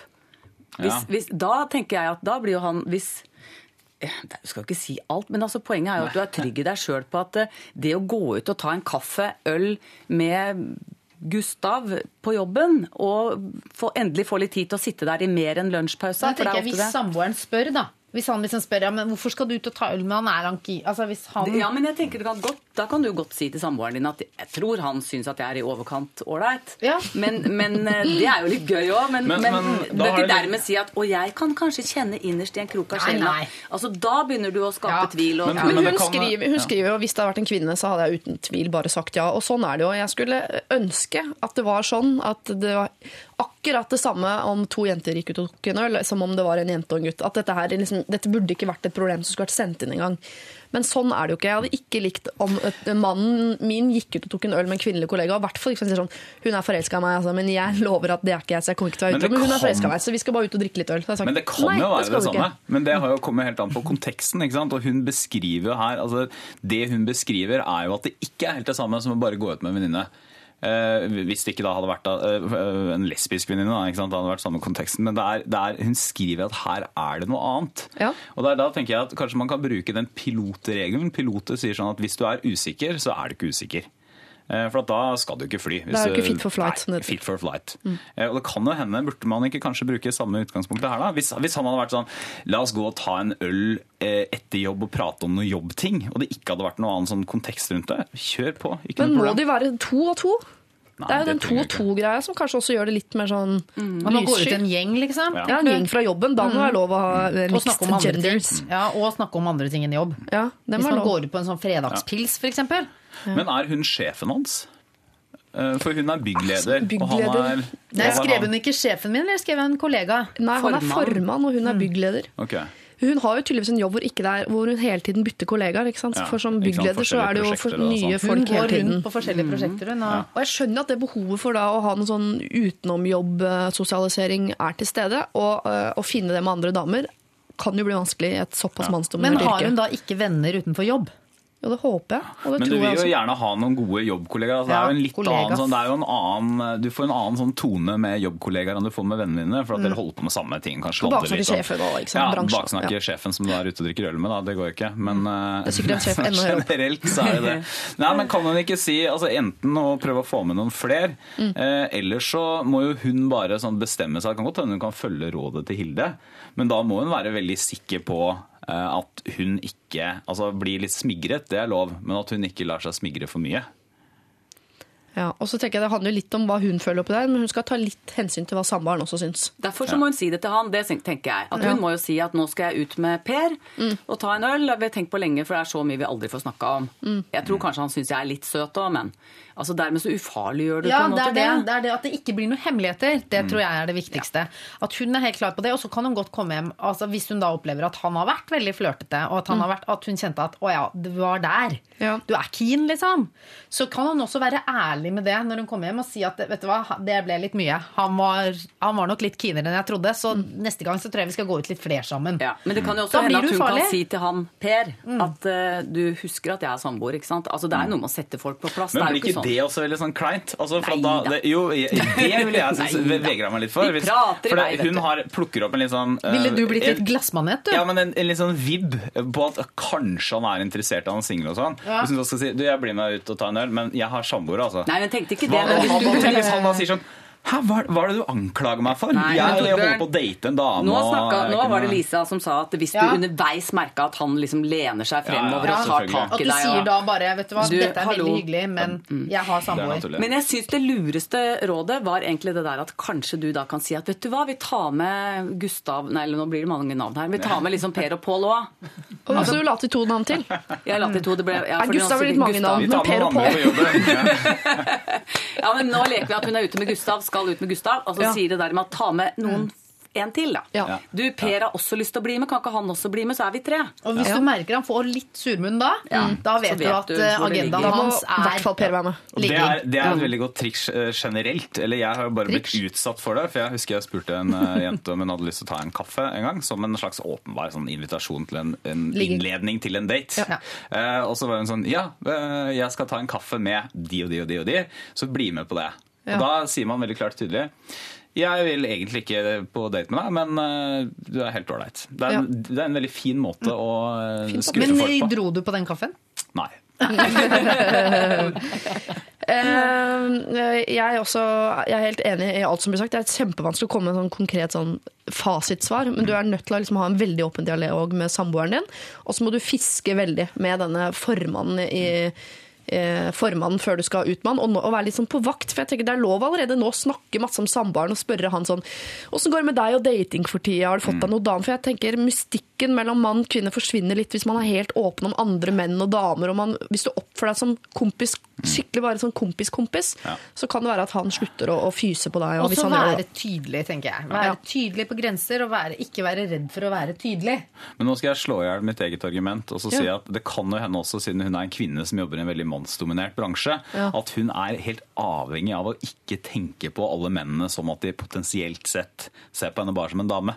Ja. Eh, Så det, så, så det kan hende at eh, det jeg sier er litt sånn, eh, litt sånn skeivt, siden hun jobber med så mange menn. Så kan hun jo ikke gå rundt og tenke på at alle disse mennene her ser bare på meg som en dame. Først og fremst så ser de sannsynligvis på henne som en byggleder. Men forhåpentligvis også sagt, som en men- dame, i og med at hun er det, da. Men at de ikke bare tenker seksuelt på henne, kanskje. Ja, ja, altså, men hun må forholde seg til de som arbeidskollegaer. Da. Mm. Hun kan ikke bli sittende aleine hele tida etter jobb når alle andre går på øl. Bare for Men at det- hun Hun er livredd for at de bare vil ligge med henne. Ja, for det blir så, det blir så trangt. Ja. Så si ja takk, jeg blir gjerne med ut. Si fra til samboeren. Nå stikker jeg og tar en øl med en kompis på jobben. Ta med og så går det så fint. Ta med samboeren. Å, så Nei, grusomt. nå må du Det trekker kjøre jeg musikk. tilbake. Det trekker jeg tilbake. Veronica Maja skal synge 'Velkommen inn', hun. Det trenger ikke du å synge på den eh, ølfesten du skal på sammen med formannen. Eh, Jeg, jeg syns dere skal ta den ølen. jeg. Må bare rydde opp litt i forkant og underveis. Og ikke ligge med han. Ikke gjør det. Lørdagsrådet på P3. Veronica Maggio og hennes eh, 'Velkommen inn'. Og Veronica, hvis du hører på av en eller annen merkelig grunn, så er du hjertelig velkommen til å gi ut noe mer musikk snart. Jeg, jeg savner deg litt, faktisk. Jeg vil, ha, jeg vil ha noe mer. For litt siden så eh, prøvde vi i Lørdagsrådet å hjelpe et uh, samboerpar. De var uenige om når og hvordan man skulle våkne rett og slett eh, om morgenen. For den ene ønsket å våkne til en sånn eh, lyslampevekkerklokke. Altså den typen som er sånn eh, Du skal liksom våkne av at det er falsk dagslys i rommet. Som begynner å lyse sånn litt en times tid før du skal stå opp, og så blir den sterkere og sterkere. Så skal du våkne helt sånn ekstremt uthvilt fordi du tror du våkner i takt med sola. da. Den andre derimot, og, og mange, mange med den, syns at det er en forferdelig måte å våkne på. Spesielt fordi eh, hun ikke trengte å stå opp før mye, mye senere. Eh, Den gang hadde vi Katarina Flatland her, Kristian Strand og Yngve Hustad Reite, og vi skal høre litt på hvilke råd de kom med. Altså Aller først må jeg jo si at jeg syns hun virker ganske sånn grei med å ha med å gjøre utgangspunktet. Og jeg, en sånn vekkerklokke er det ikke sjans i havet for at jeg hadde akseptert. I verdens teiteste holdning eh, å si at man har et sånn, litt sånn bråkete uroelement som Nei, jeg, jeg trenger dette her eh, for å våkne. Eh, og det er liksom to timer før hun skal våkne. Ja. Det er, jo, det er jo regel nummer én at man skal få lov til å sove i fred, i hvert fall. Altså, Men skal du bruke noe sånt, så må jo begge være enige om at dette er måten å våkne opp på. Ja, og den må Ja. brukes idet man skal våkne. Kanskje hun kan liksom ta den motsatte, ta en sånn veldig sånn aggressiv ringetone som, som bare ringer veldig høyt. Bare Ja. sånn, i veldig sånn korte Valder. Men så vise da hvordan det er. For det er sånn hun må Det er våkne, hun, ikke sant? sånn, sånn hun våkne. Men problemet er at hun står opp to timer etter han. Ja, så blir det litt sånn Eh, Så hun må da liksom Nei, klokka fire på natta, så går den. Så kan du kjenne hvordan det føles. Ja. Kan ikke bare få barn, så har han liksom ordna det. Ja. Ta han vekk, og så hvis Ja. han konfronterer, så det, det her var, saken var det ikke rom for diskusjon Hun har prøvd. Ja. Lørdagsrådet Denne hun som sendte inn mailen, har sendt inn mailen eh, til for å fortelle hvordan det går, og skriver Tusen takk for råd. Jeg hørte på, det var stor stas, og jeg tok mange av rådene til meg, selv om sovelampen fortsatt står der, og jeg sover med sovemaske. Men nå har det seg sånn at jeg er ikke kvinne. Jeg er mann og er i et forhold med en annen mann. Homofil, som det også kalles. Jeg glemte å skrive at jeg er gay. Mulig det lå i underbevisstheten min, uansett så ble ikke det skrevet. Derfor var jeg nødt til å se bort fra en del av rådene deres, annet dette med å finne megga i meg sjæl, og råd som innebar at jeg skulle la han sette barn på meg, som jo blir litt vanskelig. Planen min inntil videre er å satse på dette med sovemaske. Eh, Sovemaske med katteøyne har jeg, en med klovneansikt og en med kvinneøyne. Så jeg beholder min tunge søvn, og han våkner opp med en katt. Hilsen kattekvinne, i anførselstegn. Eh, Og sånn kan det gå. Eh, Vi kan jo bomme litt innimellom, men jeg syns det er fint, fordi eh, noe forteller meg at da er vi på vei dit at vi glemmer å si fra at vi er homofile. Altså Problemer er problemer, forhold er forhold, folk er folk. Så trenger vi ikke å lage noe mer merkelapper enn akkurat det der. Altså får man ta noe sånn blitt smelt på tjukka-råd eh, innimellom, selv om man er mann. Men det er ikke alle uh, tabu rundt dette her med homofili som er helt sånn vaska bort uh, ennå. Og vi skal da hvert øyeblikk prøve å gi råd til uh, en uh, fyr som mistenker at kompisen hans er homofil. Selv bruker han gay og homo som skjellsord, og syns det hele er litt eh, vanskelig. Du hører på Lørdagsrådet med Siri. Sweden, dette her, og Hey, come on. Eh, I Lørdagsrådet i, i dag så har vi en eh, fyr som driver med politikk. Han skriver, men han er også veldig, veldig mye på radio. Og stiller opp på alt, og det er veldig raust av deg. Eh, nei, ikke alt, men du er flink til å stille opp, Torbjørn. Jeg mener det som et kompliment. Takk. Tusen takk. For jeg har sagt det før, at du er jo en av få politikere vi har i det landet her, som snakker som et vanlig menneske. Det er veldig hyggelig å høre. det er mulig å skjønne hva du mener. Takk. Vær så god. Og så har vi eh, Hilde Humlevold, som har eh, altså, gjort oss en kjempetjeneste. Oss, da mener jeg det norske folk. Og, og hatt sitt blide åsyn på NRK fjernsyn i mange, mange år. Og nå okay. øser hun av eh, denne gleden over på unge studenter og blitt lærer. Hvor gamle er de? 17-18. Altså det er 17-18. videregående. Ja. Mm. Matleiegenerasjonen? Nei, de som, ja, de tredje begynner å bli litt matlei. Men de andre, første og andre klasse på denne Åssiden videregående er kjempeentusiastiske. Så jeg, jeg er veldig heldig bortskjemt lærer, da. Ja. Som har morsomme elever som gjerne vil lære. Det er bra. Eh, og så har vi uh, Kruttønna, er det blir du kalt det. Eh, en, hun er jo komiker i utgangspunktet, men eh, den sinteste bilisten vi har eh, i Norge, Lisa Tønne. Ja, du har ringt meg når jeg har kjørt bil. Ja, og Det er det mest underholdende jeg noensinne har eh, sett, bortsett fra Ricky Gervais på Hva er det du blir så sint for? Hva er det verste? Alt. Alt! At det er andre bilister i, som er eksisterer folk- i samfunnet. At det er biler i de andre filene Jeg føler at folk er i liksom Hvorfor må du være i veien for meg nå? Føler jeg litt. Og Men kjører du da helt opp til rumpa på den bilen foran og tuter? Eller Nei, jeg tuter ikke. Jeg blinker med langlysa hvis jeg syns at nå treiger du deg der foran, og nå følger du ikke med. Da er det først to blink med langlysene. Hvis ikke, eh, eller først legger jeg meg oppi, og så er det to blink med langlysene. Og hvis ikke da, da blir det en liten tut. Vet Da, Det syns jeg er helt hårreisende. Det verste jeg vet, det er folk som For jeg er av og til så ligger jeg litt for mye i den der kjappfila, selv om jeg ikke kjører så veldig fort. og det sånn Og, ja, er irriterende! altså, jeg kjører jo kanskje fem kilometer over fartsgenseren og sånn. men, så, men så kommer det folk altså Istedenfor at det har litt tålmodighet på de 20 sekundene det tar før jeg sjekker speilet og kommer forbi, så ligger de seg oppi rumpa på deg. Du hadde ikke er jo- sett det er jo det hvis vi ikke Men det er livsfarlig! Det er livsfarlig. Ja, er Det enig. Man skal bare- ikke legge seg opp i rumpa, man skal blinke med lysene. Bare blinke med lysene, ikke legge seg opp i Det rumpa. er ikke Men dere- Det som er livsfarlig, er å ikke sjekke speilet når du ligger i venstre fil. Venstre fil er for å kjøre forbi. Ok. Ja, Apropos det- filer og ikke legge seg opp i rumpa Ikke folk. Vi skal ha for oss et problem som handler om uh, en fyr som en, uh, en mistenker at er homofil. Hei dere, skriver han. Jeg har kjent bestevennen min i mange år og er utrolig glad i han. Han er et kjempefint menneske, men én ting lar meg ikke være i, i fred.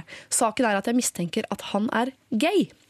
Jeg hadde aldri tenkt på det selv, men for en stund siden eh, så hørte jeg noen rykter fra en av hans slektninger, og da begynte jeg å analysere han med hensyn til det. Saken viste seg å være et mysterie, siden det er like mange argumenter for som det er mot. Han kommer veldig godt overens med jenter, sjarmerer dem og flørter, og han blir egentlig venner med alle han møter, både jenter og gutter. Men han har aldri hatt noen kjæreste eller et forhold, til tross for at han er over 30 år gammel. Når vi snakker gutteprat sammen, påstår han ofte at han har flere one night stands, og han nevner ofte analsex. Analsaks? Analsaks, ja. Det er en saksfon som putter den på. Jeg har ikke noe imot verken homoseksuelle eller biseksuelle, men i det, eh, dette guttepratet kan det ofte sies ting som «Åh, det er litt gay, eller ikke vær så homsa, og så lignende. Dette kommer fra meg, men også fra han. Jeg vet at jeg kan være litt tøff i kjeften og si ting jeg ikke nødvendigvis mener. Derfor tenker jeg at han rett og slett kan være redd for å komme ut av skapet, fordi han tenker at han blir diskriminert av sin beste venn, meg.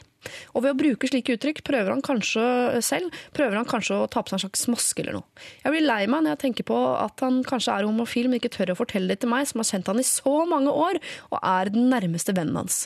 Så hvordan kan jeg få vite sannheten om han uten å ødelegge vennskapet vårt? Med vennlig hilsen Ed. Altså Han gjør som veldig mange andre, bruker ordet gay og homo som en sånn uh, slengord. Og er nå redd for at kompisen da ikke tør å si om han eventuelt er, eventuelt er øh, gay. da. Oh, men Det er så hyggelig at han sender inn dette. Ja, det vitner jo om et veldig godt vennskap. da. Ja. Et så godt vennskap at det er lov å lufte tanken og spørre han eh, uten å gjøre det på en sårende eller sånn at han føler seg angrepet på noen måte. Men at liksom rett og slett spørre han om at det lurer jeg på. Ja. Men Da det har vi kommet veldig- dit at ikke det, det burde jo ikke være det, men uh, hvis man ikke er gay, så tror jeg noen vil kanskje synes at det av en eller annen grunn da er, kan være litt sånn sårende å bli spurt om. Nei, men jo, Fordi men han tror- nevner analsex så mye, så kan han jo liksom peke tilbake på det. Ja. Vil, akkurat, Fordi du nevner det så Vi trenger mye, så er det akkurat å lurt. dvele ved akkurat den delen av det, men jeg tror det der med at det er sårende altså jeg tror at, Men jeg tror at det er, det er vel for, ikke for at, altså Selv om man ikke har fordommer mot homofile eller mener at det er helt, helt greit og helt uproblematisk og folk må være de de er og sånn, så er det jo et eller annet med at det, sårende kan jo ligge i at Oi, du er min beste venn, kjenner du meg ikke bedre? At man føler at man blir tatt for en annen enn den man er. Så hvis han kameraten hans ikke er homse, da, så kan jeg, jeg kan jo skjønne at han da kan bli litt såra av at bestekameraten spør. Ja. Det er ikke noe rart, selv om, han, selv om, selv om, det, ikke, selv om det er helt uproblematisk og ikke noe problem at han homser og sånn, så vil han kanskje føle at oi, kjenner du meg ikke bedre enn det? Det er litt vanskelig faktisk å, å spørre rett ut, syns jeg. Ja. Det må jeg, Jeg hadde akkurat, akkurat sånn situasjon har jeg vært, vært i. Ja. Og hvor jeg da var med på surprise party da han fylte 30, og vi hadde pakka inn en av de mange jentene som var forelska i en, som spratt opp og veldig gøy, liksom. Så begynte det etter hvert å slå meg mer og mer at eh, oi, altså Her Han er antageligvis homofil. Det gikk jo tid, men jeg husker liksom fortsatt tilbake på det der liksom morsomme surprise party som ikke egentlig Det funka ikke egentlig, Nei. for han var jo homofil. Ja. Men vi gikk og lurte, eller jeg tenkte mye på det. Jeg syntes det var vanskelig å spørre, fordi nettopp kjente du meg ikke bedre enn at uff. Ikke nok med at jeg aldri finner meg en kjæreste, liksom, men du tror til og med at jeg er homofil når jeg ikke er det. Altså, det er det som du sier, Torbjørn, er litt sånn vanskelig det der, altså. Ja, Men og- spurte du til slutt, da? Nei, til slutt så ringte han og sa jeg må komme og snakke med deg nå. Så da tenkte da? jeg enten er han alvorlig syk, eller så er han homofil. Ja. Og heldigvis så var han homofil. Da hadde han møtt plutselig bang, Ja. og alt liksom falt på plass, da. Eh, Det er ofte løsningen, at man treffer den andre som gjør at man bare eh, eh, ramler ut av skapet og eh, sier det til alle, og ingenting er problematisk lenger. Men han er over 30, han har i hvert fall ikke gjort det så langt, hvis han da er homofil. Og det er er jo ikke alle som gjør det heller. Det er Nei. mange som, for jeg tenker jo også det at eh, hvis du på en måte i anførselstegn har levd et liv som på en måte heterofil, så er jo det å komme ut som homofil det er jo også en identitetsforandring for den personen. Plutselig så skal du forholde deg til en helt annen. Ja. Er litt, er, det siste er jeg litt mer usikker på, sånn, for det, det går litt i ehm, Ikke fordommen, men det er jo uh, Men vi, vi tenker jo ofte at ok, hvis du er homofil, så må det være på en annen måte enn hvis du er heterofil. Nei, men jeg tenkte ikke mer som Nei, det, men vet livet du forandrer ikke- seg jo veldig. Ja, kanskje litt, men ikke nødvendigvis. Altså, jeg tror at vi, vi går inn til, Det er sånn min personlige erfaring også fra homofile kompiser. og sånn, og det er at vi, vi går inn i en tid nå hvor det er ikke sånn at, det er ikke sånn at du automatisk blir noen noe, du, kan, altså, du kan like mye være en del av kameratgjengen, selv om du er homse. Altså, Ja. Det er ikke sånn at Du må ikke liksom velge å leve et homseliv og- Nei. Eller, et, eller et eh, gutteliv. Jeg tenkte mer samfunnet kanskje ikke lagt opp på samme måte. Det er vel lettere å være heterofil enn å være homofil, vil jeg tro. Ja, Det er nok kanskje lite grann, men det er, liksom, det er mange ting som er vanskelige. Så jeg tror ikke sånn generelt, så Det er klart det er jo en del sånn, altså Selvmordstallene blant unge homofile er skyhøye. og Det er jo selvfølgelig også fordi at Hilde sier i stad at han var enten homofil eller alvorlig syk. Men det er fortsatt noen i Norge som mener at det er det samme. Mm. At hvis du er homofil, så er du alvorlig syk. Ja. Men jeg ville kanskje tenkt for at det er, ikke sant, det er, det er, Flytt til Oslo, mange som er sier sånn, det er lett å si sånn Ja, men er du, er du homse eller er du redd for å bade i 14 graders vann? Eh, og han peker jo på hvorfor det er Kanskje han burde være litt forsiktig med den type ting, i hvert fall. For det er ikke så rart at han kompisen da kanskje tenker at oi, eh, selv om jeg, kanskje ikke bestekameraten min er fordomsfull, så, så er det et eller annet som gjør at det blir litt mer ubehagelig. Å stå fram når man vet at man har liksom slengt rundt ordet homse som et sånn, Ja, hvis sånn han- tulleskjellsord. da, ikke sant? Men hvis hvis han opplever at bestekompisen kan synes at det med homofili er ekkelt, f.eks., Mm. eksempel, så vil jo han ha problemer med å gå Selvfølgelig. ut med det. At, og nå skal du tenke at jeg er ekkel. Mm. Men hvis, de, de er jo uh, unektelig gode venner, disse her. Og jeg tenker hvis du, uh, Ed som sender inn, har lyst til å være en veldig god kompis og en uh, fin fyr, så er det jo ikke så nøye i første omgang om han er homofil eller ikke. Det viktigste er at han blir en sånn venn som gjør at eh, kameraten tør å være helt ærlig om hvem han er, uansett hvem, hvem det er. Så kanskje han bare skal være et godt eksempel og slutte å bruke ord som gay homofil. Kanskje han en dag neste gang kompisen gjør det da, sier sånn Vet du hva, jeg syns ikke vi skal jeg synes faktisk ja, vi skal det- bruke det der som et Men vil ikke det at han, hvis- hvis- ja, altså, vil ikke det at han går og lurer på dette her, står litt i veien for vennskapet deres? Han vil bli ekstremt selvbevisst når han er sammen med denne bestevennen nå. Helt sikkert. Er det ikke bedre å bare spørre?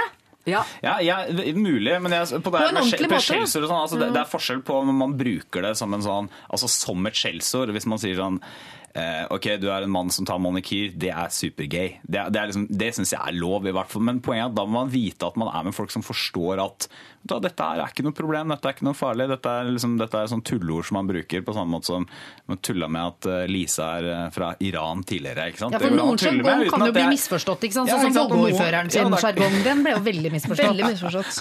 Ja. Men, men jeg tror at eh, jeg, jeg litt sånn Jeg ville, hadde ikke spurt, hadde det vært meg. Det tror jeg ikke.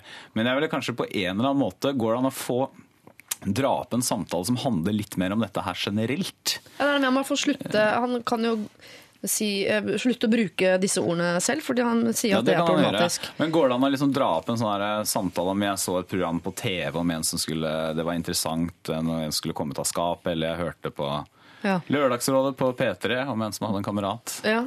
Homofokus i samtalene. Ja, eller på en eller annen måte. Ja, jeg vet ikke. I hvert fall liksom, han, han, eh, han vennen min, da, Ja. som til meg kom og fortalte det. Men da viste det seg at det var jo en annen venn som et halvt år før hadde vært den som faktisk sa du, altså, du er ikke homofil, da.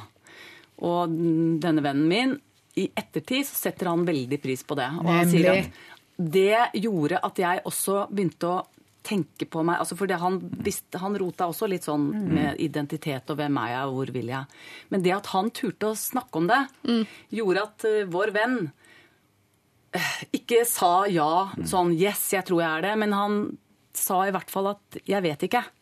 Og jeg lurer, og jeg roter, og jeg Ja. Og det var med på å få i gang den prosessen som gjorde at han var åpen for å møte en mann. Så jeg tror hele tida på å prate. Men jeg tror, en sånn regel da, tror jeg, når man skal snakke om sånne ting, det tror jeg er at ærlighet uten kjærlighet er hensynsløshet. Det var en fin regel. Det Kan du skrive ned det? For det der kommer jeg til å si eh, en del og late som det er jeg som har kommet på det framover. Han sier er også at han, Kameraten sier også at han har mye one night stands og sånn, for jeg skulle, hadde tenkt å kommentere at det er jo faktisk også en del mennesker som, som er aseksuelle. Og det er bare greit å liksom huske på det. at det, er ikke, det er ikke gitt at bare fordi eh, man ikke har masse sex eller drømmer om å få seg kjæreste og sånn, så er man automatisk homse. Nei. Eh, eller altså, ja, med en jente. Ja, du skjønner hva jeg mener. Jeg skjønner. Eh, eh, men han sier jo da at han har masse one night stands og sånn, så da er det jo åpenbart ikke det noe problemstilling for han, da. Nei. Men han sier jeg- det. Ja, Nei, jeg, ikke er- jeg er kanskje enig med Hilde. At man må liksom ta den med en forsiktig innfallsvinkel. Og så si sånn, du vet hva, jeg, Det er kanskje teit, og jeg, men jeg bare lurer på det. Har du kan det være at du, at du kanskje er Kanskje går det an å spille bifil? da? Liker Eller du sånn- gutter også? Ja, liker du gutter også. Ikke sant? Ja, ikke, men trenger ikke å sette seg ned og ta en sånn tung samtale, men ta det i en setting som passer sånn. eh, og Ikke spørre som en sånn konfrontasjon, men Nei. spille ball nærmest. Sånn. eh, Du har ikke tenkt tanke på at du kanskje kan være bifil, da, for eksempel? Som en sånn Veldig mange som kommer ut av skapet, går jo innom bifil først, før de finner ut at jeg er homofil. Jeg liker egentlig bare gutter og ikke, vil ikke være sammen med jenter. Jeg tror jeg oppsummerer med eh, rådet fra Hilja, siden du er den som har mest erfaring her, og vi andre eh, sitter jo, som jo Lørdagsrådet i stor grad gjør, sitter jo og synser, ikke sant. Eh, Men siden du har vært gjennom den mølla der, og kom veldig fint ut av det på andre sida, så syns jeg det beste rådet til eh, deg, hvis du er en god kamerat, så spør på en uh, fin måte, full av kjærlighet, si det der eh, ordtaket ditt igjen, som sikkert er fra Kina. At ærlighet, eh, ærlighet uten kjærlighet er lik hensynsløshet. Ikke sant? Du sa det mye bedre, Stan. Ja, ja, men nå, nå tenkte jeg på noe annet. Ja. Nå tenkte jeg på at jeg skulle si når du var ferdig, skulle jeg si gjør det, gjør det, gjennomfør det. Det jeg på nå. Det er også veldig bra ordtak. Det er ikke kinesisk.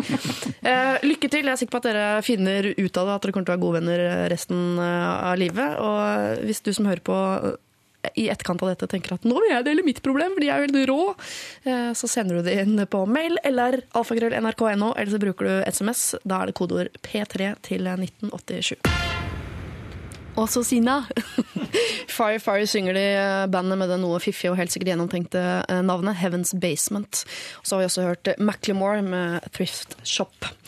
Eh, Vi har fått inn en SMS til Lørdagsrådet som jeg syns er eh, fiffig, som jeg tenkte vi skulle ta. Det er også innen at altså, Det har med forhold å gjøre, men en litt annen, annen del av Er det greit at jeg spiser litt sjokolade, eller er det utrivelig med munnlyder? Eh, Det er greit for meg, men er det greit for den lavkarbodietten din? Det, Nei, eh, det får er vi ikke la være for det. Jeg er det var Lisa Tønne som snakket om sjokolade. Hilde Hundvold smiler fra øre til øre ved siden av. Og uh, Torbjørn Røe Isaksen har lagt armene i kors. Av Ja. uvisse grunner. Det er fordi du tror det kommer noe ekkelt nå, ikke sant? Nei, jeg noe at eller noe. Han ser veldig sånn avventende ut, tilbakelent. Ja. Men på alerten. Det er ikke, vi skal ikke helt ned i rusa, men det er ikke langt unna. Jeg er en vanlig fyr. Skjegg av og til. Dusjer, spiser, jobber, spiller gitar. Har ingen diller eller absolutter. Dame er dansk og nydelig og deilig avslappet, men det går for langt. Hun syns det er så koselig med alt som er litt skabbete, f.eks. navlelo. Hun syns rett og slett det er romantisk søtt å plukke navlelo ut av navlen min. Ikke at det plager meg, men er det ikke litt ekkelt? Eller er jeg hysterisk nå? Hva syns dere? Er det for privat og ekkelt, eller er det koselig å plukke navlelo? Jeg tenker at han kanskje burde plukka det navleloet sjæl, før han tok av seg. Ja, det kan du sjekke, på en måte. Ikke, ikke gjør det tilgjengelig. Men jeg har altså vet om meg som samler på mannens og putter i et skrin. Er det sant? ja. Kødder du? Nei. Hvorfor skal du ha sånn Det er helt ekstra Men de syns det bare var Ja. Og det, men det syns hun bare er så utrolig morsomt. Det tror jeg blant fagfolk heter noe. Det tror jeg òg. Men skal hun strikke en genser av Ja, dette? hun sier det på altså, dette, er mor, dette er jo en gag, liksom. Men de Ja. andre får ikke matlyst. Står dette på et norgesglass tilgjengelig, så ikke, gjester kan se det. ikke. Nei, jeg vet ikke, vil ikke høre om det. Men jeg vet at det er en sånn Ja. mm, mm. Ja, dette- sånn er det. Ja, Men, men, det er men dette er da veldig interessant, av- for navlelo og vi vi reagerer sånn instinktivt. Æsj, det er jo for så vidt ikke noe. Det er jo bare litt sånn Ja, ja, det er jo bare litt klesrester inni der. Det er jo Ja. ikke noe big deal. Men, det er ty og vi snakker ikke om det. Vi har all jeg har egentlig nesten aldri snakka om det, bortsett fra at jeg vet om henne som samler det i en liten boks. Er dette her sånn, Vi bare må våge å snakke om Ja, må Vi tørre å ta debatten om navlelo. Ja. Siste tabu i samfunnet, Men folkens. det er jo- Tekstiler i navlen må holde jo på. Men jeg synes det der, men sånn, ikke, altså det er det samme som det er det der Seinfeld-poenget med liksom, hår er noe av det vakreste man vet om, og så er det ett hår på såpa, da er det kjempeekkelt. Og Sånn er det jo bare. Eh, Så det er jo ikke noe rart, det. Men jeg syns dette her, vet du hva, dette er, det er ikke bra. Men prøv å begrunne Torbjørn, egentlig, Jo, for men- dette har vi ikke snakka ordentlig om noen gang i vårt liv, faktisk. Nei, men det er Jeg syns generelt altså, eh, at det å plukke på eh, de mindre appetittlige delene av andres kropp for moro, det syns jeg ikke noe om. Dette er jo løsrevet fra Og hvis jeg skulle forklare det, eller for, forklare hvorfor, så tror jeg ikke jeg kan komme lenger enn å si at dette er, dette er et kulturelt tabu som det ikke er noen grunn til å bryte. På samme måte som det er ikke noe, Man må gjerne prøve å forklare hvorfor man ikke skal rape etter et måltid også, men sånn er det bare. Prøv å forklare det til Lisa.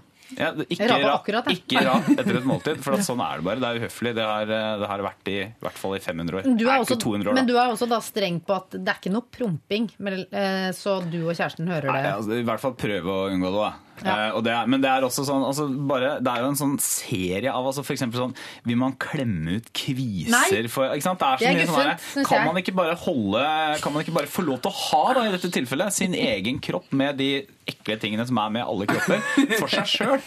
Men du, egentlig når vi tenker på det, så er jo ikke. Dette er jo ikke av det verste ekle med en kropp. Altså Første så er det jo løsrevet fra kropp, fordi den er- lever sin egen lille sånn lodott-liv. Ja, så lukter det jo ikke vondt. Så det er jo bare en bitte liten lodott. Egentlig kan vi jo bare snu tankegangen Tenk, det er, en liten sånn, det er det hun dama gjorde. Jeg tenkte, Ja. å, så koselig, litt koselig liten Ja. ja. Men få deg hører dyr, at hun tenker jeg. høres helt altså, det, Så Men du, si en gang til, si en gang til hva er det han faktisk For Først så tenkte jeg fy søren, så flinke folk er til å skrive, og flinke de er til å ordlegge seg og sånn, men så ble jeg så satt ut. Hva er det han faktisk sier at hun gjør, eller hva er det hun driver med, egentlig? Eh, eh, Hun syns rett og slett det er romantisk og søtt å plukke navlelo ut av navlen min. Og lurer på om vi syns det er for privat og ekkelt eller koselig. Men det kommer jo litt an på hva, om han syns det er ekkelt også. Altså, vi kan jo synes sånn det er ekkelt. ikke, men han lurer på om ikke det er litt ekkelt, så han har vel tenkt tanken. da.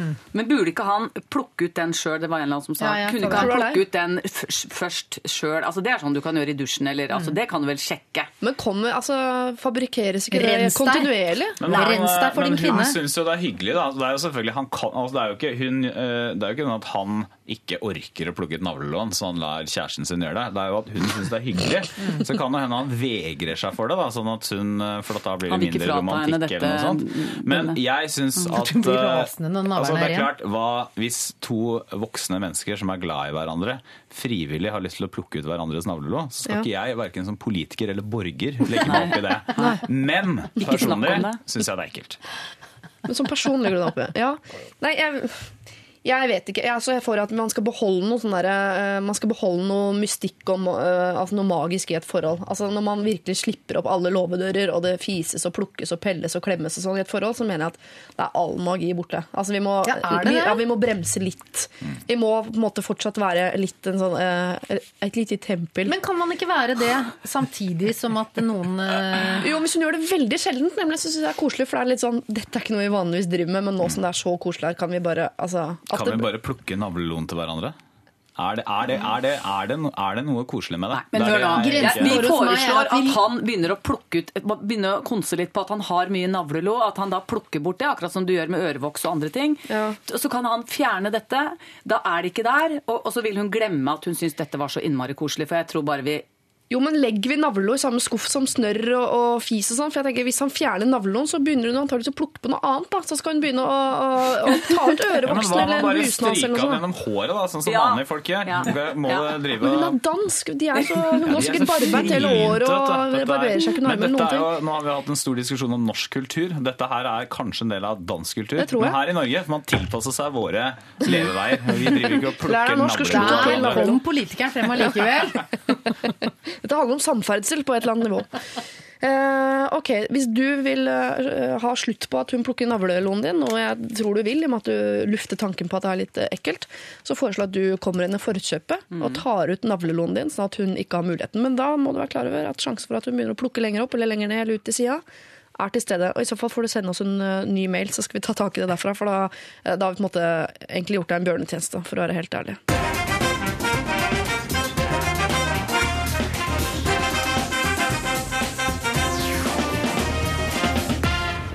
Her synger de Carpe Diem, et, eh, en gjeng, eller jeg vel to, en duo, som vel samtlige i Lørdagsrådet i dag eh, har sagt at de elsker. Hva sa du, Hilde? Ja, men Jeg sa det ikke fordi de var så innmari voldsomme i sine kjærlighetserklæringer, men jeg er helt enig. Ja, og med de så mener du da Lisa Tønne og Torbjørn Røe Isaksen. Og jeg også eh, er, har en dyp, Altså, bunnløs kjærlighet. Jeg må høre på tekstene. Det Ja. er så artig med musikk hvor du, kan, hvor du skikkelig ah, Hva er det han sier nå?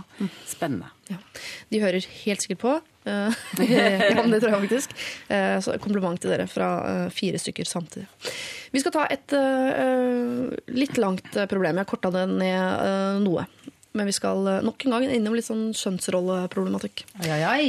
Kjære Lørdagsrådet. Samboeren min og jeg har nettopp kjøpt oss et oppussingsobjekt og er godt i gang med oppussingen. Vi gikk inn i dette sammen og visste hva vi gikk til med tanke på at han er tømrer. Men problemet ligger ikke der. Det ligger nemlig hos hans familie. De vil så klart hjelpe til, og det er bra det, men de har et syn på at kvinner ikke skal gjøre noen ting. Spesielt da besteforeldrene. Der jobber bestefaren, mens bestemor er hjemme og styrer. Det får være deres sak, men dette har begynt å gå over på meg. Hver gang vi er i huset og skal gjøre noe, blir jeg bare sittende og se på, uh, på dem når de er der. Tar jeg opp en hammer, går han og tar den ut av hånden min. Bærer jeg noe, kommer han og tar det fra, fra meg. Her en dag spurte samboeren min uh, om jeg kunne være med å bære noe. Da kom han, og det er det bestefar det er snakk om, og sa at jeg skulle gå og rydde, så kunne han bære. Ikke engang montere et skap får jeg gjøre. Dette er ikke et problem når de ikke er der. Eh, Da har jeg vært med å rive bad, jeg har malt, jeg har lagt gulv osv. Men jeg blir i tillegg irritert på samboeren min når han ikke sier noe imot dem når de er der. Jeg har prøvd å komme med kommentarer om at jeg klarer ting, jeg også, og jeg har sagt fra til han. Han bare lo litt og tok det ikke så seriøst.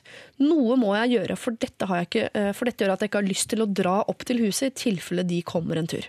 Jeg er ganske beskjeden av meg som person, og er ikke den som roper høyst, så hva skal jeg gjøre? Er det noe jeg kan si som gjør at de skjønner hva jeg mener? Håper på gode tips fra dere. Hilsen fastlytter 25. Altså hun vil pusse opp. Besteforeldrene hans lar henne ikke slippe til fordi hun er kvinne. Det er, er det ikke foreldrene hans vi snakker om? Besteforeldrene. Besteforeldrene. Besteforeldrene hans? Bestefar skal, bestefar skal bære, men ikke Ja, hun. De er spreke besteforeldre, da. Veldig. Ja da, foreldrene Ja. fikk Sånn, barn sånn veldig fysisk, tidlig. Ja. fysisk veldig spreke. Ja. Men jeg eh, For det, i, de, det er viktig å tenke, tror jeg, at de besteforeldrene vil jo bare være snille. Eh, Ja. Faktisk, må man anta da. Det fins også slemme besteforeldre, men det er en forsvinnende liten andel av besteforeldrene som er slemme. Så bestefar prøver jo helt sikkert bare å være snill, men så kommer han fra en annen tid. Hvor det ikke var så vanlig at kvinner drev og løfta og Drev styra og ja, og hoia og sånn. Ja, han tror Eh, kanskje det er skadelig for henne? ja, kanskje et eller annet sånt. Eh, Men jeg ville kanskje sånn i utgangspunktet tenkt at ok, men kan du ikke bare, de er gamle og du kan ikke lære en gammel hund nye triks, så kan du ikke bare bite det i deg. Men hun plages jo veldig av dette her, da, på den annen side. Jeg kjenner jo I latskapens navn så ville jeg satt veldig pris på at noen sa du må sitte der. Vil deg nå. Ja. Jeg ville hvilt meg gladelig og tatt kjønnskampen senere. Men eh, hvis hun har veldig lyst til å tømre og hamre, så uh, syns jeg at istedenfor å liksom ta et sånt oppgjør, så tror jeg at hun I og med at han opplever at han da nesten klapper henne litt på hodet når hun sier 'jeg vil også få lov til å bære', så sier han og klapper henne litt på hodet og sier 'gå og rydd'. Og da, da for da må, måtte jeg jo i så fall gjort noe annet, sant? så da fikk jeg jo ikke hvilt meg i latskapens navn. Så da ville jeg bare sagt sånn eh, 'ja, men nå vil jeg bære'. Og så ville jeg bare bært. Altså, hva skal han gjøre? Han kommer jo ikke til å nagle henne til gulvet. Nei, Også, hun har jo fått gjort dette. Revet bad og lagt gulv. og jeg tenker Det må jo være lov å ta seg, ta seg en pust i, bakken. Jeg skjønner at hvis han klapper henne på hodet og sier sånn 'gå og bær du jenta mi', da hadde kløra kommet ut. Men til besteforeldre Ja, vet det Ikke ta sånn- det ikke kjønnskampen med dem. La de bare dø ut med det, det men det som irriterer henne, vet du, er at ikke mannen står opp for henne. Altså, Ja. Dette her er jo noe annet, tenker jeg. Hun ønsker Dette at er han skal at gå i Hun er kjempesjenert jente, er vant til å ikke liksom tale sin egen sak veldig. Hun forventer at når de Han vet jo hvor irritert hun er på denne bestefaren. Så når ikke mannen hennes da sier du kutt ut, da er du klar at hun har satt sammen hele den bokreolen og malt hele taket og lagt de flisene på gulvet i badet. Hun bærer kjempebra. Kom igjen, jenta mi. Det er jo det hun venter på. Hun venter på at han skal si For det er hans bestefar. Ja. Og det er hans slekt som kommer der og irriterer henne hver lørdag på noe som hun egentlig syns er veldig koselig å gjøre sammen med mannen sin. Men hva om hun da ser på dette her som en mulighet til personlig vekst, og tenker nå skal jeg tørre å stå opp for meg og si hva jeg mener? Istedenfor å legge ansvaret over på noen andre. For du kan ikke forandre andre. Men hun hvis- sier at hun har prøvd å si fra, eller? Til han, ja. Ja. Til, til hvem er han? Til samboeren. Til samboeren, ja. Jeg tror det er på tide å brette opp arma, og selv om du er litt forsiktig type, hvis dette er noe du brenner for, brett opp armene, se på det som en sånn seier for deg selv. Hvis du nå klarer å si fra og si 'jeg har veldig lyst til å få lov til å være med og pusse opp mitt eget hus'. Jeg skjønner at dere har en annen holdning til det, men nå vil jeg få være med. Men kanskje til og med enda mildere, da. For at hvis det skal, Var det her strengt? Nei, men man trenger ikke å gjøre det til en sånn stor greie. Altså Neste gang det skjer, ikke sant? neste gang hun ikke får lov til å bære, så tror jeg hun bare må si det som Lisa sa i utgangspunktet, nemlig Nei, men vet du hva, jeg, jeg, jeg vil bære, jeg. Det går bra. Og så bare gjør det. Eh, Og Hvis bestefar da forsøker å dytte henne vekk, så er han sikkert så gammel at han, han, klarer. Ikke klarer det. Hun tar, hun tar han hvis det blir håndgemeng. Så tror jeg hun tar bestefar. Men dette her går jo ikke bort. altså Når de er ferdig med huset, så er jo, har jo bestefar fortsatt den holdningen han har, og bestemor òg, til kjønnsroller. Ja. Sånn at det kan godt hende at det er på tide å si fra litt. grann. Jo, men må vi ta den kampen? Jeg tenker sånn, Kan den generasjonen der få lov til å dø ut med Jo, men det er, sin jeg er enig med Torbjørn, det er måter å si ting på. Du går og sier at du hva, jeg bærer det. Så kan du gå og hente hammeren. Men så, så- ta- du kan jo si det litt hyggelig. For jeg har jo utgangspunktet tenkte, tenkte jo utgangspunktet at men vi, la, oss, la oss ikke prøve å La oss bare godta at besteforeldre vokste opp i en annen tid, og sånn må det kanskje være. På den annen side, da, tenk hvis hun hadde kommet hjem med f.eks. kjæreste med en annen hudfarge, da. Ja. Eh, Og besteforeldrene hadde, som jo en del besteforeldre eh, er, vært eh, rasistiske. Skulle hun da altså sagt ok, de får bare være rasistiske, eller skulle hun faktisk prøvd å gjøre dem litt bedre og vist at vet du hva, det har skjedd en del positive ting de siste 30-40 åra? Jeg skjønner at du stiller spørsmålet, Torbjørn. Og jeg er helt enig. Jeg, jeg har tenkt, fordi jeg har vel vært borti noe lignende, for, for å si det på den måten. Og jeg tenker at den kampen med de gamle er litt tatt om. Man kan få de til å forandre syn på, eller godta at sånn er jeg, og sånn er vår generasjon. Men man må også godta at dere får bare holde på med deres altså, Men godta i hvert fall de valgene jeg har tatt, og hvordan samfunnet er i dag. Altså, jeg tror ikke man liksom klarer å få ei gammel eh, rasist til å bli Men hun endrer ikke dem, men hun endrer seg. Det er jo Ja. det Lisa er. Det er, det Lisa er eh, fordi hun skal jo leve med dem, om det er svigerforeldrene eller besteforeldrene, hvem dette er. Men hun kan ta et personlig valg. Fordi hvis hun går i stykker til slutt av irritasjon, altså hvis dette vokser og vokser opp i hodet hennes, så kan det jo bli skikkelig ødeleggende for ja, ekteskapet. Ja. Eh, Det vet vi jo at oppussing er jo det som eh, tærer mest på forhold. Så Ja. dette er jo veldig alvorlig. Men Sånn er hun, hun, kanskje litt redd for at samboeren skal bli sin bestefar? For hun ser at 'å ja, du sier ikke fra engang', altså dette er min framtid. Men samtidig så får hun jo lov å pusse opp av han eh, samboeren. Ja. Så helt som bestefaren blir hun ikke. Men han er kanskje litt konfliktsky i forhold til besteforeldrene sine. Ikke sant? Og som ofte, ikke alle eh, menn, men noen menn jeg har møtt, er jo litt konfliktsky. Syns at det er litt kjeksete med konflikt, og sier sånn ja, ja, men skal vi ikke bare, skal vi ikke bare Men de ser jo ikke problemet heller. Nei. Han ser jo ikke problemet i at uh, bestefatteren bærer. Er ikke det helt greit? Jo, sånn? men da tenker jeg at da må hun ta personlig ansvar. Og så må hun si sånn liker jeg å ha det. Og så må hun ikke, For da- er hun litt gammeldags sjøl, hvis hun venter på at det er mannen som skal tale hennes sak. Hvis hun skal være denne kvinnen som skal ha uh, full likestilling her, så får hun også kjøre den likestillingen Den kampen man tar sjøl. helt ut. Og da får hun også si fra om sine behov, og ikke forvente at noen andre skal si fra om hennes behov. Det Men kan du snu dette fra å være uh, kjønnsrollebasert til å bli aldersbasert og si sånn Ja, men gamlefar, nå syns jeg du skal sette deg ned i gyngestolen, så skal jeg hente en bolle med Twist til deg, og så tar jeg og bærer de gipsplatene inn. Og gjør det om, for da sitter hun litt med makta overfor de og sier sånn Jeg er ung og sprek, jeg skjønner du, gammelen, og så får du bare sitte her og, og, og drikke Skal du hvile eh, prostataen litt? Altså, ja. Men eh, hun, er jo ikke, hun vil jo sikkert ha et godt forhold til de besteforeldrene fortsatt. ja. Det- Men får man ikke det gjennom å servere Twist og sette fram gyngestolen? Ja. Nei, jeg syns, vet du hva, jeg syns Lisa holdt en det, var, det burde vært musikk til den talen der. Ja. Så det er litt sånn, kan du, kan du bære planker, og det kan du som, eh, som ung, oppegående, moderne kvinne, så kan du også bære tyngden av å si fra til bestefar. Åh, jeg skulle satt gjerne Du summerte det der. veldig nydelig. Ja. Ah, vi to, er han så altså. fornøyd selv. Jeg var litt fornøyd med oi, det, oi. faktisk. Synd det ikke er lenger forspill på Jonas Alaska, så kunne du sagt det en gang til oppå der, men det er bare tre sekunder, så det rekker du ikke. Eh, vi får nok antageligvis ikke tatt noe særlig flere problemer i dag, men vi tar med oss problemer videre til neste uke. Eh, så fortsett å sende inn, men da foretrekker jeg mail. Og da er det lralfakrøll.nrk.no. Hvis du sender det på SMS, så kan andre programmer stjele det. Lørdagsrådet på P3. Queens of the Stone Age, Go With The Flow, har vi også hørt Jonas Alaska, I Saw You Kid. Torbjørn Røe Isaksen står nå bak ryggen min og knatrer i vei på min eh, maskin. Hva er det du prøver? Vi har lagt ut et bilde på Facebook-siden. Et bilde av eh, meg, deg, Lisa og Hilde. Hva er det du prøver på? Tagge deg selv? jeg prøver å legge det ut på Facebook, men så er det noe tull med mobiltelefonen. Jo, men så skulle jeg skrive inn en kommentar da jeg ville ha det på min Facebook-side også, men så var det et eller annet rart. Men eh, sånn er det. Nå ligger det i hvert fall ute. Det var et ganske pent bilde. Det er, dere er pene.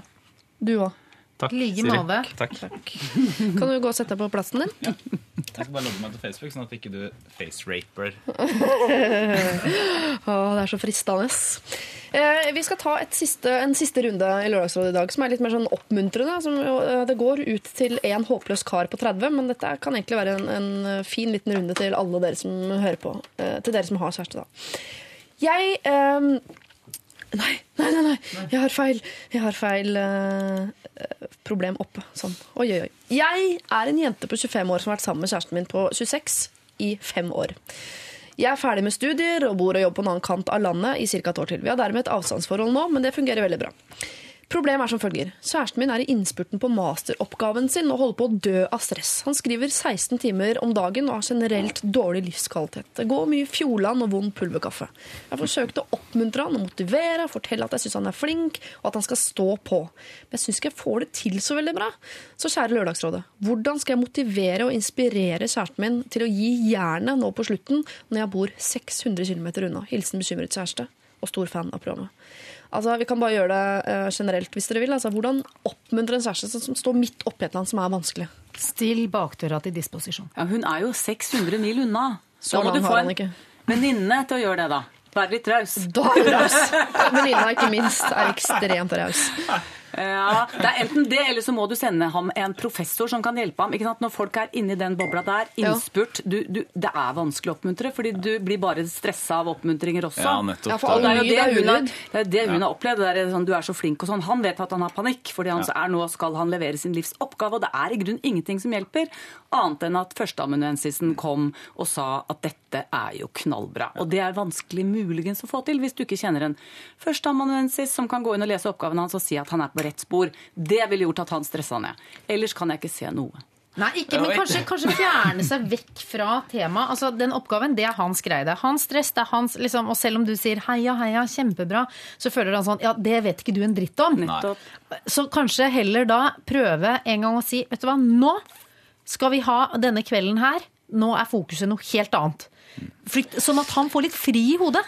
Ja, kanskje, Og men jeg hva- tenker det og at Klarer vi å alt, ta fri hvis jeg har hodet vært når vi er stressa, når jeg er stressa, syns jeg all annen lyd enn det jeg driver med, er ulyd. Altså, jeg, da, synes jeg sånn, da føler jeg meg som jeg er med i Tour de France på vei opp den verste bakken. Så står sånn Uten duste doping. tyske turister på siden der sånn ja, ja. Så tenker sånn Flytt deg, jeg skal opp på toppen, du står i Men veien. for jeg, jeg tror at kan, kan det hende at den beste for da, Hvis han da får masse tekstmeldinger og telefoner, og sånn, så føler han at han må svare, og så går han liksom ut Ja. av boblen sin. Så han må få lov til å være i bobla. Mm. Eh, så jeg tror at det er to ting hun kan gjøre. Det ene er å si sånn, vet du hva, lykke til, bare, bare slapp av. Eh, Jeg er der når dette er ferdig. Mm. Og send meg en SMS når du har lyst, eller når det passer for deg å ringe. Jeg stresser ikke om vi nå ikke prater sammen på noen dager. Ikke noe problem. Og så eh, må oppmuntringa være at når du har levert inn eksamen, så drar vi på ferie, eller så kommer jeg og besøker deg, lager middag. Hva som Men helst. hva om det, er sånn, selvfølgelig, det krever kanskje litt planlegging, men hva om hun bare tok turen, hadde på seg noe flott, eh, kom og forførte han og sa ta det helt med ro, nå skal jeg bare ligge med deg, og så skal jeg dra igjen. Ja, men tror du ikke det all, Det er uansett veldig distraherende, da. Det er jo utrolig sånn, altså for at Hvis du er i en sånn der boble, sånn eksamensboble, og så skal du plutselig så kommer liksom dama di inn, eh, sexy kledd og Ja, sånn. men hun sa, og så drar jeg. Ja, og hun får det ikke drar igjen. til. Og selv om han da sier sånn derre Nei, nei, du skal ikke dra, for da føler han seg kjip. Så sier han, vet du hva, jeg har bestemt meg for at jeg skal bare ligge med deg, og så skal jeg dra igjen. Ja. Jeg eh, tror ikke jeg ville satt pris på det. Det høres helt forferdelig Ja, ut. det høres Ja, men det er liksom men Lisa, det er jo en kjemperomantisk idé, og det fungerer på Ja, film. Men jeg tror han, det virker som han er den typen du sier, som bare blir kjempestressa. Han blir hvert fall, får det i hvert fall ikke til da når hun Men kommer film det, da, hvis det funker på film. Jo, men jeg, jeg tror alt fra liksom sex til en uh, pose potetgull, altså alt utenfra vil i hans hode bli sånn Skape en eller annen forventning om at han skal ja. gi tilbake, eller at han Hvis hun sender en melding sånn 'Å, stå på', så føler han åh, nå må jeg svare. Jeg tror det han trenger, er bare eh, ro og fred, og at du eh, på en eller annen måte bare får sagt sier, når leverer den andre masteren, er, snakker er vi om fram til juni, er eller hvor lenge skal han leve sånn? For da, da har hun et problem. Da har hun valgt en mann som hun kommer til å få det litt pes med. For sånn er blir det. Ja, nei, da er jeg enig med er Torbjørn. Hun må si fra til han når du har behov for meg. På en eller annen måte. Være seg at jeg kom plutselig, liksom. Eller bare Så, så ta kontakt. Men han skal nok ikke levere før i Det mai, jeg så det er mente jo med stykke det, stykke er at hun igjen. har fulle ansvaret for det. At hun ikke skal være der og være til bry etterpå. Og ikke at han på noen måte skal få dårlig samvittighet for det, for da har hun bestemt seg. Jeg kommer, og så drar jeg Men sånn funker ikke mennesker. Vet du. Det er ikke sånn Det at, kan det, og, det, og særlig ikke nå, ok, nå skal jeg være litt forsiktig med å si sånn særlig ikke kvinner og menn, men det er jo veldig vanskelig men, for menn. Vi har jo lært nå gjennom mange mange år at hvis kvinner sier sånn nei, nei, bare gå ut, du. Det er ikke noe problem. Ikke tenk på meg. Så skal ikke vi si ok, greit, nei, men da stikker jeg ut med kompisene mine. Helt right. Da skal man si sånn ok, er du sikker på det? Nei, jeg vil heller velge å være hjemme denne lørdagen sammen med deg. Så jeg tror at i hvert fall for min del Det beste hvis jeg er skikkelig stressa altså Kona mi oppmuntrer meg på mange fine ting sånn i hverdagen. Hvis jeg er skikkelig stressa, så er det fineste kona mi kan gjøre for meg, det er å bare si sånn Vet du hva, hvis du, det er ikke noe stress med å ikke hvis, du ikke trenger, hvis du ikke ringer i løpet av dagen eller sender en hyggelig SMS, eller noe sånt, det er ikke noe stress. Bare bli ferdig med de greiene, så har vi det koselig etterpå. Ja, jeg også lurer på det. altså. Bare gi masse tid og rom, og få formidla at du står der i andre enden. Og da kan du godt ta på deg kostyme eller reise 600 mil for å åpne bakdøra. og Da, altså, da snakker vi. Da kan du levere hele den. Ja. Men da, da Eventuelt kan du sende sånn Snapchat-bilde av deg selv da, som bare varer i fem sekunder. Det er ikke noe stress. Fem sekunder kan alle Fem avse. sekunder til å titte litt på dama. Ja, noe sånt. Det har man tid til midt oppi det hele. Ah, Ja, eh, et Råd man jo kan gi, er bare generelt å være flink til å oppmuntre hverandre eh, i det forholdet du er i, men ikke vær til, ikke vær til bry, liksom. Si det der kinesiske en gang til. Eh, Det var eh, ærlighet eh, minus kjærlighet er lik hensynsløshet. Lørdagsrådet Coldplay er her eh, igjen, denne gangen med Hurts Like Heaven. Vi skal nå dele ut en T-skjorte. Eh, Det er det Torbjørn Røe Isaksen, Hilde Humlevold og Lisa Tønne som skal få ansvaret for eh, å gjøre. Og kandidatene i dag er som følger. Jenta som lurer på om hun kan utstenge venninnens nye kjæreste fra alle sosiale happeninger i all eh, framtid. Han som lurer på hva han skal ta som etternavn, for han er redd for å bli hetende Tore Trylletvedt, eller hva det var for noe. Eh, og så er det hun da som har funnet eh, ek, altså ringen til, eh, til ekskjæresten til eh, typen sin. og Lurer på om hun bare kan bruke den, for hun syns den er fin. Så har vi frøken entreprenør, altså bygglederen, som jo lurer på om hun kan gå og ta en øl med en kollega, selv om hun er kvinne og han er mann. Og hun lurer på om han kanskje også er litt forelsket i henne. Så har vi han som har en eh, kamerat som han lurer på om kanskje er homofil, men eh, syns det er trist at han ikke tør eh, å si det, og lurer på hvordan han kan på en måte gjøre seg tilgjengelig for at det kommer ut, i, i, ut av skapet. Han som lurer på om det er grisete eller bare koselig at dama fra Danmark driver og plukker hans navlelo. Eh, Eller hun som gjerne vil pusse opp, men ikke får lov av bestefaren til typen sin. Hun som lurer på hvordan hun skal oppmuntre kjæresten sin, som er i innspurten på masteroppgaven. Da er det jo Et viktig spørsmål her er jo loer den mye, den T-skjorta? Ja, det tenker jeg på. Eh, For i så fall, så det gjør den sannsynligvis lite grann i hvert fall, så i så fall så er jo navlelomannen Det vil bare forsterke problemet hans. Ja, det er jo ikke hensikten med dette radioprogrammet. Det vil underbygge hennes fetisj. Ja. Så det dropper vi. Så han er ute. Jeg tror kanskje han eh, med denne vennen som han lurer på om er homofil. fordi at det vil være en flott inngang. Ikke sant? Da sitter han med Lørdagsrådet-T-skjorten. P3, Eh, dessverre. P3, eh, som burde være en. Lørdagsrådet-T-skjorte. Og så sitter han med den når han kommer inn og sier at du, jeg har sendt inn et spørsmål. Det var anonymt, altså. Men og så tuller de litt med det. Og så har han en inngang til å spørre om hva kan du tenkes at du også liker menn? Ja. ja. Vi, ja. Jeg vet ikke om det, er liksom, om det er en så fantastisk inngang. Det er sånn, hei, Ikke bare lurer jeg på om du er eh, homse, men jeg har også sendt inn til et eh, program på riksdekkende radio. Dette har vært Eh, nøye Det var anonymt, men eh, for de som kjenner oss, så vil de nok kunne identifisere deg. Jeg er litt på Jeg lurer på om hun byggmester eh, Babette, eh, om hun er den eh, riktige Ja. kvinnen som burde få det. For hun, hun har for det første skrevet en lang e-post, så, så hun har gjort litt, lagt litt arbeid i dette her. Og så syns jeg hun har det var et godt, godt problemstilling som vi fikk mye god prat ut av. Ja, Og så blir det en sånn boost for henne for å liksom brette opp armene. Da trenger hun ikke, for det er en T-skjorte, så hun trenger ikke å brette opp armene engang. Før hun eh, liksom skal da gå og ta, ta litt ansvar og litt eh, personlig, personlig ansvar, da. Og si fra selv. Ja. Men jeg tenker på han, jeg syns kanskje Trylle, Trylleland skulle fått den, fordi jeg syns det var liksom dagens morsomste. Det, jeg kommer til å gå og tenke på ja. Tryleland. Eh, jeg kommer til å gå og tenke på han Tore Trylleland litt. Og lure på åssen han går. Han, skulle ønske, han, han burde skrive inn og si hvor, hva de bestemte seg for. Ja, og hva skal absolutt. unga hete. Ja. Ja. Men dere, eh, altså, eh, Så langt i dag så har jeg sagt at eh, dere ikke trenger å bli enige, men faktisk her så er Må vi være enige? Jo, men jeg gir meg gjerne på. Jeg syns jo kanskje han som Du trenger ikke å gi deg, men Jo, det- men jeg tenker hvis vi skal være enige, så, så var det to. Jeg tenkte enten Trylleland eller han som virker som en veldig ålreit venn. Ja, han var jeg syns altså. han virker som en enig veldig ålreit venn, han som har denne kanskje homofile vennen. Ja, så, ja. Men han behøver jo ikke akkurat å gå med den T-skjorta. Hva med hun oppussingsjenta som virkelig som trenger noe å pusse opp i, eh, for det første, og som også trenger et spark i ræva for å stå opp for, eh, for seg sjæl og si fra til bestefaren til typen sin om at jo, jeg vil bære plank, så lag din egen kaffe. Det er jo også Hun trenger å pusse opp sjela si litt. Det, det vil jo også passe godt i og med at det er 2013 og jubileet for allmenn stemmerett. Det vil si altså at alle kvinner stemme. også fikk stemme. Stemme. Så det blir ville vært en fin markering Ja. sånn i en av de første sendingene i dette feståret for kvinner. Mm, Og menn, da, faktisk også. Ja da. Dere må fortsatt bli enige. Så Jeg, jeg, jeg, jeg, står, jeg eh, sier at hun er, hun er bra. Hun ombestemt som oss nå, skal, da? ja, men hun som skal liksom stå for seg jeg sjøl og si falt litt til for det at hun faktisk trenger en T-skjorte òg. Ja. Og hun skal gå med den og tenke 'yes, ja, jeg kan, ja, jeg kan, ja, jeg vil'. Jeg skal søren meg på en hyggelig måte stå opp for meg sjøl. Og hvis det er viktig for meg å bære plank, så er det viktig for meg å bære plank, og det skal jeg stå på.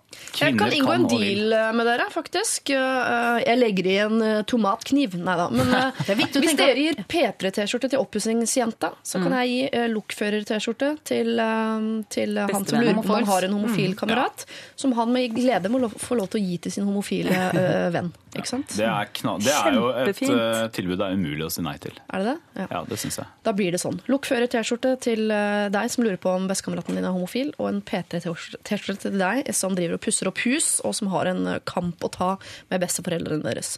Eh, besteforeldrene til typen din. Jeg sier tusen takk til Lisa Tønne, Hilde Hummelvold og Torbjørn Røe Isaksen. Og så sier jeg til deg som hører på, at du må gjerne fortsette å sende inn eh, problemer til oss. Da bruker du lr.nrk.no, og for all del, last ned vår podkast. Er du snill.